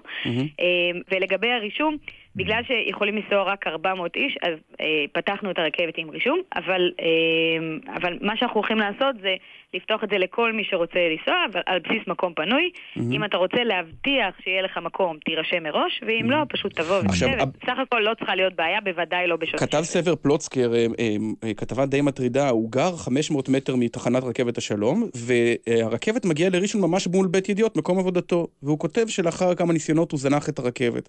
והוא מנה שלוש סיבות. אחת, שחוויתי אותה בעצמי, זיהום אוויר פשוט מזעזע בתחנת השלום. זה כמו לנשום אגזוז של מכונית. אבל מקרוב, אבל נכון. מקרוב. הדבר השני, ח- ח- כמו... אה, זה אחד. הדבר השני, ללכת 500 מטר על כבישים בלי שום תחבורה זמינה זה דבר מאוד לא נעים. והדבר השלישי זה כמובן העומס הבלתי נסבל. זאת אומרת שהרכבת, גם כשהיא נוסעת... הפסדתם לא- נוסע פוטנציאלי והוא עוד כותב על זה בידיעות אחרונות, תארי לעצמך. כן. אה, קודם כל הוא יכול, הוא מוזמן גם אה, לנסות את התחבורה הציבורית, את האוטובוסים, אנחנו מאוד משפרים אותם, וגם בחלק מהתוואי שהוא מדבר עליו יש נת"צים, הסדרי העדפה, ונמשיך ונעשה עוד הסדרי העדפה, כי אנחנו עובדים על זה מאוד קשה עכשיו. אה, בשלום, בתחנת השלום באמת יש זיהום אוויר חריג, אנחנו עושים את כל המאמצים לצמצם את זה עם אה, מסננים ומה שאפשר. חשמול הרכבת יפתור את כל האירוע הזה. מתי זה יקרה? יקרה? מת- מתי? בואי תכריזי על המועד. חש- חשמול קו החוף, חיפה תל אביב, עוד שנתיים? כן, אז ה- אמ, הרכבת שהיא זרוע הביצוע שלנו מעריכה שעד סוף השנה נגיע להגנה עם החשמול. במהלך 2019 נחשמל את האיילון. אה, עד שלא נתחיל, אה, לא נדע עד כמה מורכב יהיה לחשמל את האיילון. יש שם גם, אה, זה לא שהמיפוי מאוד ברור שם אה, מה זאת אומרת. עד סבידור אה, זה לחכות לאמצע 2019? לא, להגנה עד 2019. לא, להגנה תחילת 19. חיכינו כבר, עכשיו אנחנו רוצים להגיע לסבידור ולאוניברסיטה. נכון, בהגנה תעשה החלפת רכבת. עוד פעם. בהגנה חודשיים, שהיה בנתב"ג. אוקיי, לא נורא, בהגנה חודשיים. אה, ושאר הרשת, זה, אני לא יודעת להגיד לך תאריך, ברגע שנתחיל... לא, סבידור, סבידור. כן, כן, ה- ה- החשמול, סליחה, התכוונתי, החשמול של איילון, אני לא יודעת להגיד לך, ברגע שנתחיל לחשמל את בערך. איילון, מתי שיהיו כתבי אישום נגד נתניהו? כי כי כל המועדים האלה כל הזמן נדחים. או החלטה על כתבי אישום, סליחה, אני מצטער. אה, נו באמת, אתה רוצה שאני אתייחס? כן, כן, כי זה היה קו ירושלים תל אביב, מתי? תראה איזה יופי שהצלחנו לפתוח את הקו, למרות שאף אחד לא אה, חשב שזה ייפתח ב-2018. שלב הברכות הגיע. אתה אחד היחידים שמפרגן לנו. קודם כל, לא, אבל אני רוצה להמשיך לפרגן, ואני תוהה מתי. הוא הרי אתם אמרתם שבמרץ, ואחר כך בספטמבר ייפתח הקו המלא עד סבידור. ועכשיו אתם אפילו לא מוכנים לנקוב במועד מתי יחשמלו את הקו בין ההגנה לסבידור ולאוניברסיטה. אני משתדלת אה, לעמוד מאחורי הדברים שלי, ואם אין לי תאריך שאני... בערך. לעמוד מאחוריו, אני פשוט לא אומרת. חודשים, שנים, נגמר לנו הזמן. עשורים. אני לא לא נקבל כאן. חבל. אני לא יודעת אוי, להגיד. חבל. טוב. רציתי לשאול אותך גם עוד שאלה, אבל אני לא אספיק על המסע הזה שזכיתם עליו לביקורת לסינגפור באמצע חג לאומי. אם- איך לא תכננתם אה, להיות שם בדיוק כשכל סגור ואף אחד לא יכול לדבר האמת, איתכם? אני, אני שמחה על, ההזדמנות להגיב על זה. היינו שם שישה ימים, נפגשנו עם הרבה מאוד גורמים, ונראה לי שזה בסדר שמשישה ימי עבודה לקחת יום אחד אה, חופשי. גם אוקיי. במדינת ישראל עובדים חמישה ימים. נפגשנו עם הרבה מאוד גורמים, וזה היה כי הייתה הרבה שלמדתי ביקורת על ממנו זה, במיוחד המון. בדה-מרקר. לא, הייתה ביקורת של כתבת אחת אה, אוקיי, שבחרה טוב. להגיד שם אין שקרים לנו זמן. לשאלה אחרונה? אחרונה, אחרונה, אה. אחרונה? ירושלים, חיפה. אם נעצום עכשיו? את העיניים ונפתח אותם בעוד שלוש שנים, נראה קו חשמלי שנוסע במהירות של, אה, אני יודע, תוך 40 הנה, דקות הנה. מגיע בין שתי ערים? שלוש, ארבע שנים? אה, אה, החשמול צפונית ל- להרצליה עוד נמצא במוסדות התכנון, יש בעיה מאוד קשה עם אה, עיריית חיפה ועם התוכנית שם, זה אירוע מ... בקיצור, התשובה היא שלילית, עמית. אה, כי זה לא. המדינה הזאת כל כך קטנה, אפשר לנסוע אותה כל כך מהר. פשוט חבל. אה, בסדר, אתה תוכל אבל קורים דברים בכל זאת, מה. אי אפשר להתעלם מזה שקורים דברים. אני מסכים. קווי איך אומרים, אבל אה, תמיד אה, כועסים, המורה כועסת על אלה שהגיעו, לא על אלה כן. שהגיעו. קרן קרן טרנר. נקבע שנשוב ונשוחח כאן? כן. ואני יכול להגיד גמור. משהו בניגוד לאחרי כל ההשמצות והכל? איזה השמצות? לא, לא שכאן, בכלל, אה. שהקו ירושלים תל אביב הוא קו פשוט עד. נתב"ג, אתה מתכוון. מדהים. בסדר, אז אתה מגיע מנתב"ג נכון. מחליף רכבת, שטויות. אני זה עוד לא עדיין יותר לי. מהיר, תאמין לי. אני מודה שעוד לא יצא לי, אז אני לא יכול לשפוט, אבל בקרוב. אה, כן, מנכ"לית מרהיב. מס- מנכ"לית משרד התחבורה, תודה. תודה. תודה, יום טוב. וואו, אה, תמיד מעניין לדבר איתה. חבל לי רק שהתיירים עוד לא יכולים, כי בגלל הרישום, אה, הם- נכון. אתה יודע, אתה מגיע תייר, אתה יכול תייר? לנסוע מנתב"ג בחינם, תוך אה, 20 כן. דקות להיות בירושלים, זה הכי נוח טוב, בעולם. אה, אדם מן היישוב מחכה לנו. שלום, חיים שריקי. שלום, כמה ש- כמה זמן. שמאי רכוש? 42 שנה. או-אה. לאנשים יש היום יותר רכוש. מפעם? אני לא רק ברכוש, אני גם ברכב וציוד מכני הנדסי. הכל. מה, ת- ת- מה- מה הדבר הכי מעניין שהערכת אותו? הכי חריג, הכי שונה? אה, חריג ושונה, יש, אה, יש המון, המון סיפורים, אה, המון, אה, אם אתם רוצים אה, משהו, אה, משהו שהוא מעניין, אה, למשל אתמול אה, בדקתי, אה, בדקתי בית בשדרות, אה, מישהו שהזמין אה, מטבח, אה, הוא שילם על המטבח כ-42 אלף שקל, ו... ואחרי שסיפקו לו את המטבח, אה, אה, התגלו כל מיני פגמים במטבח, זאת אומרת כל הציפוי הפנימי התחיל להתקלב ולהתפורר. אוקיי. הוא פנה, ל... הוא פנה ל... אה, אה, לנגר, והנגר מתנער מאחריות, זאת אומרת, אני לא... אין אחריות. עכשיו, אה, חשוב להגיד שטרם טרם ההזמנה הוא לא, אה, לא עשה שום תוכנית, הוא לא קיבל שום נייר, גם את ה...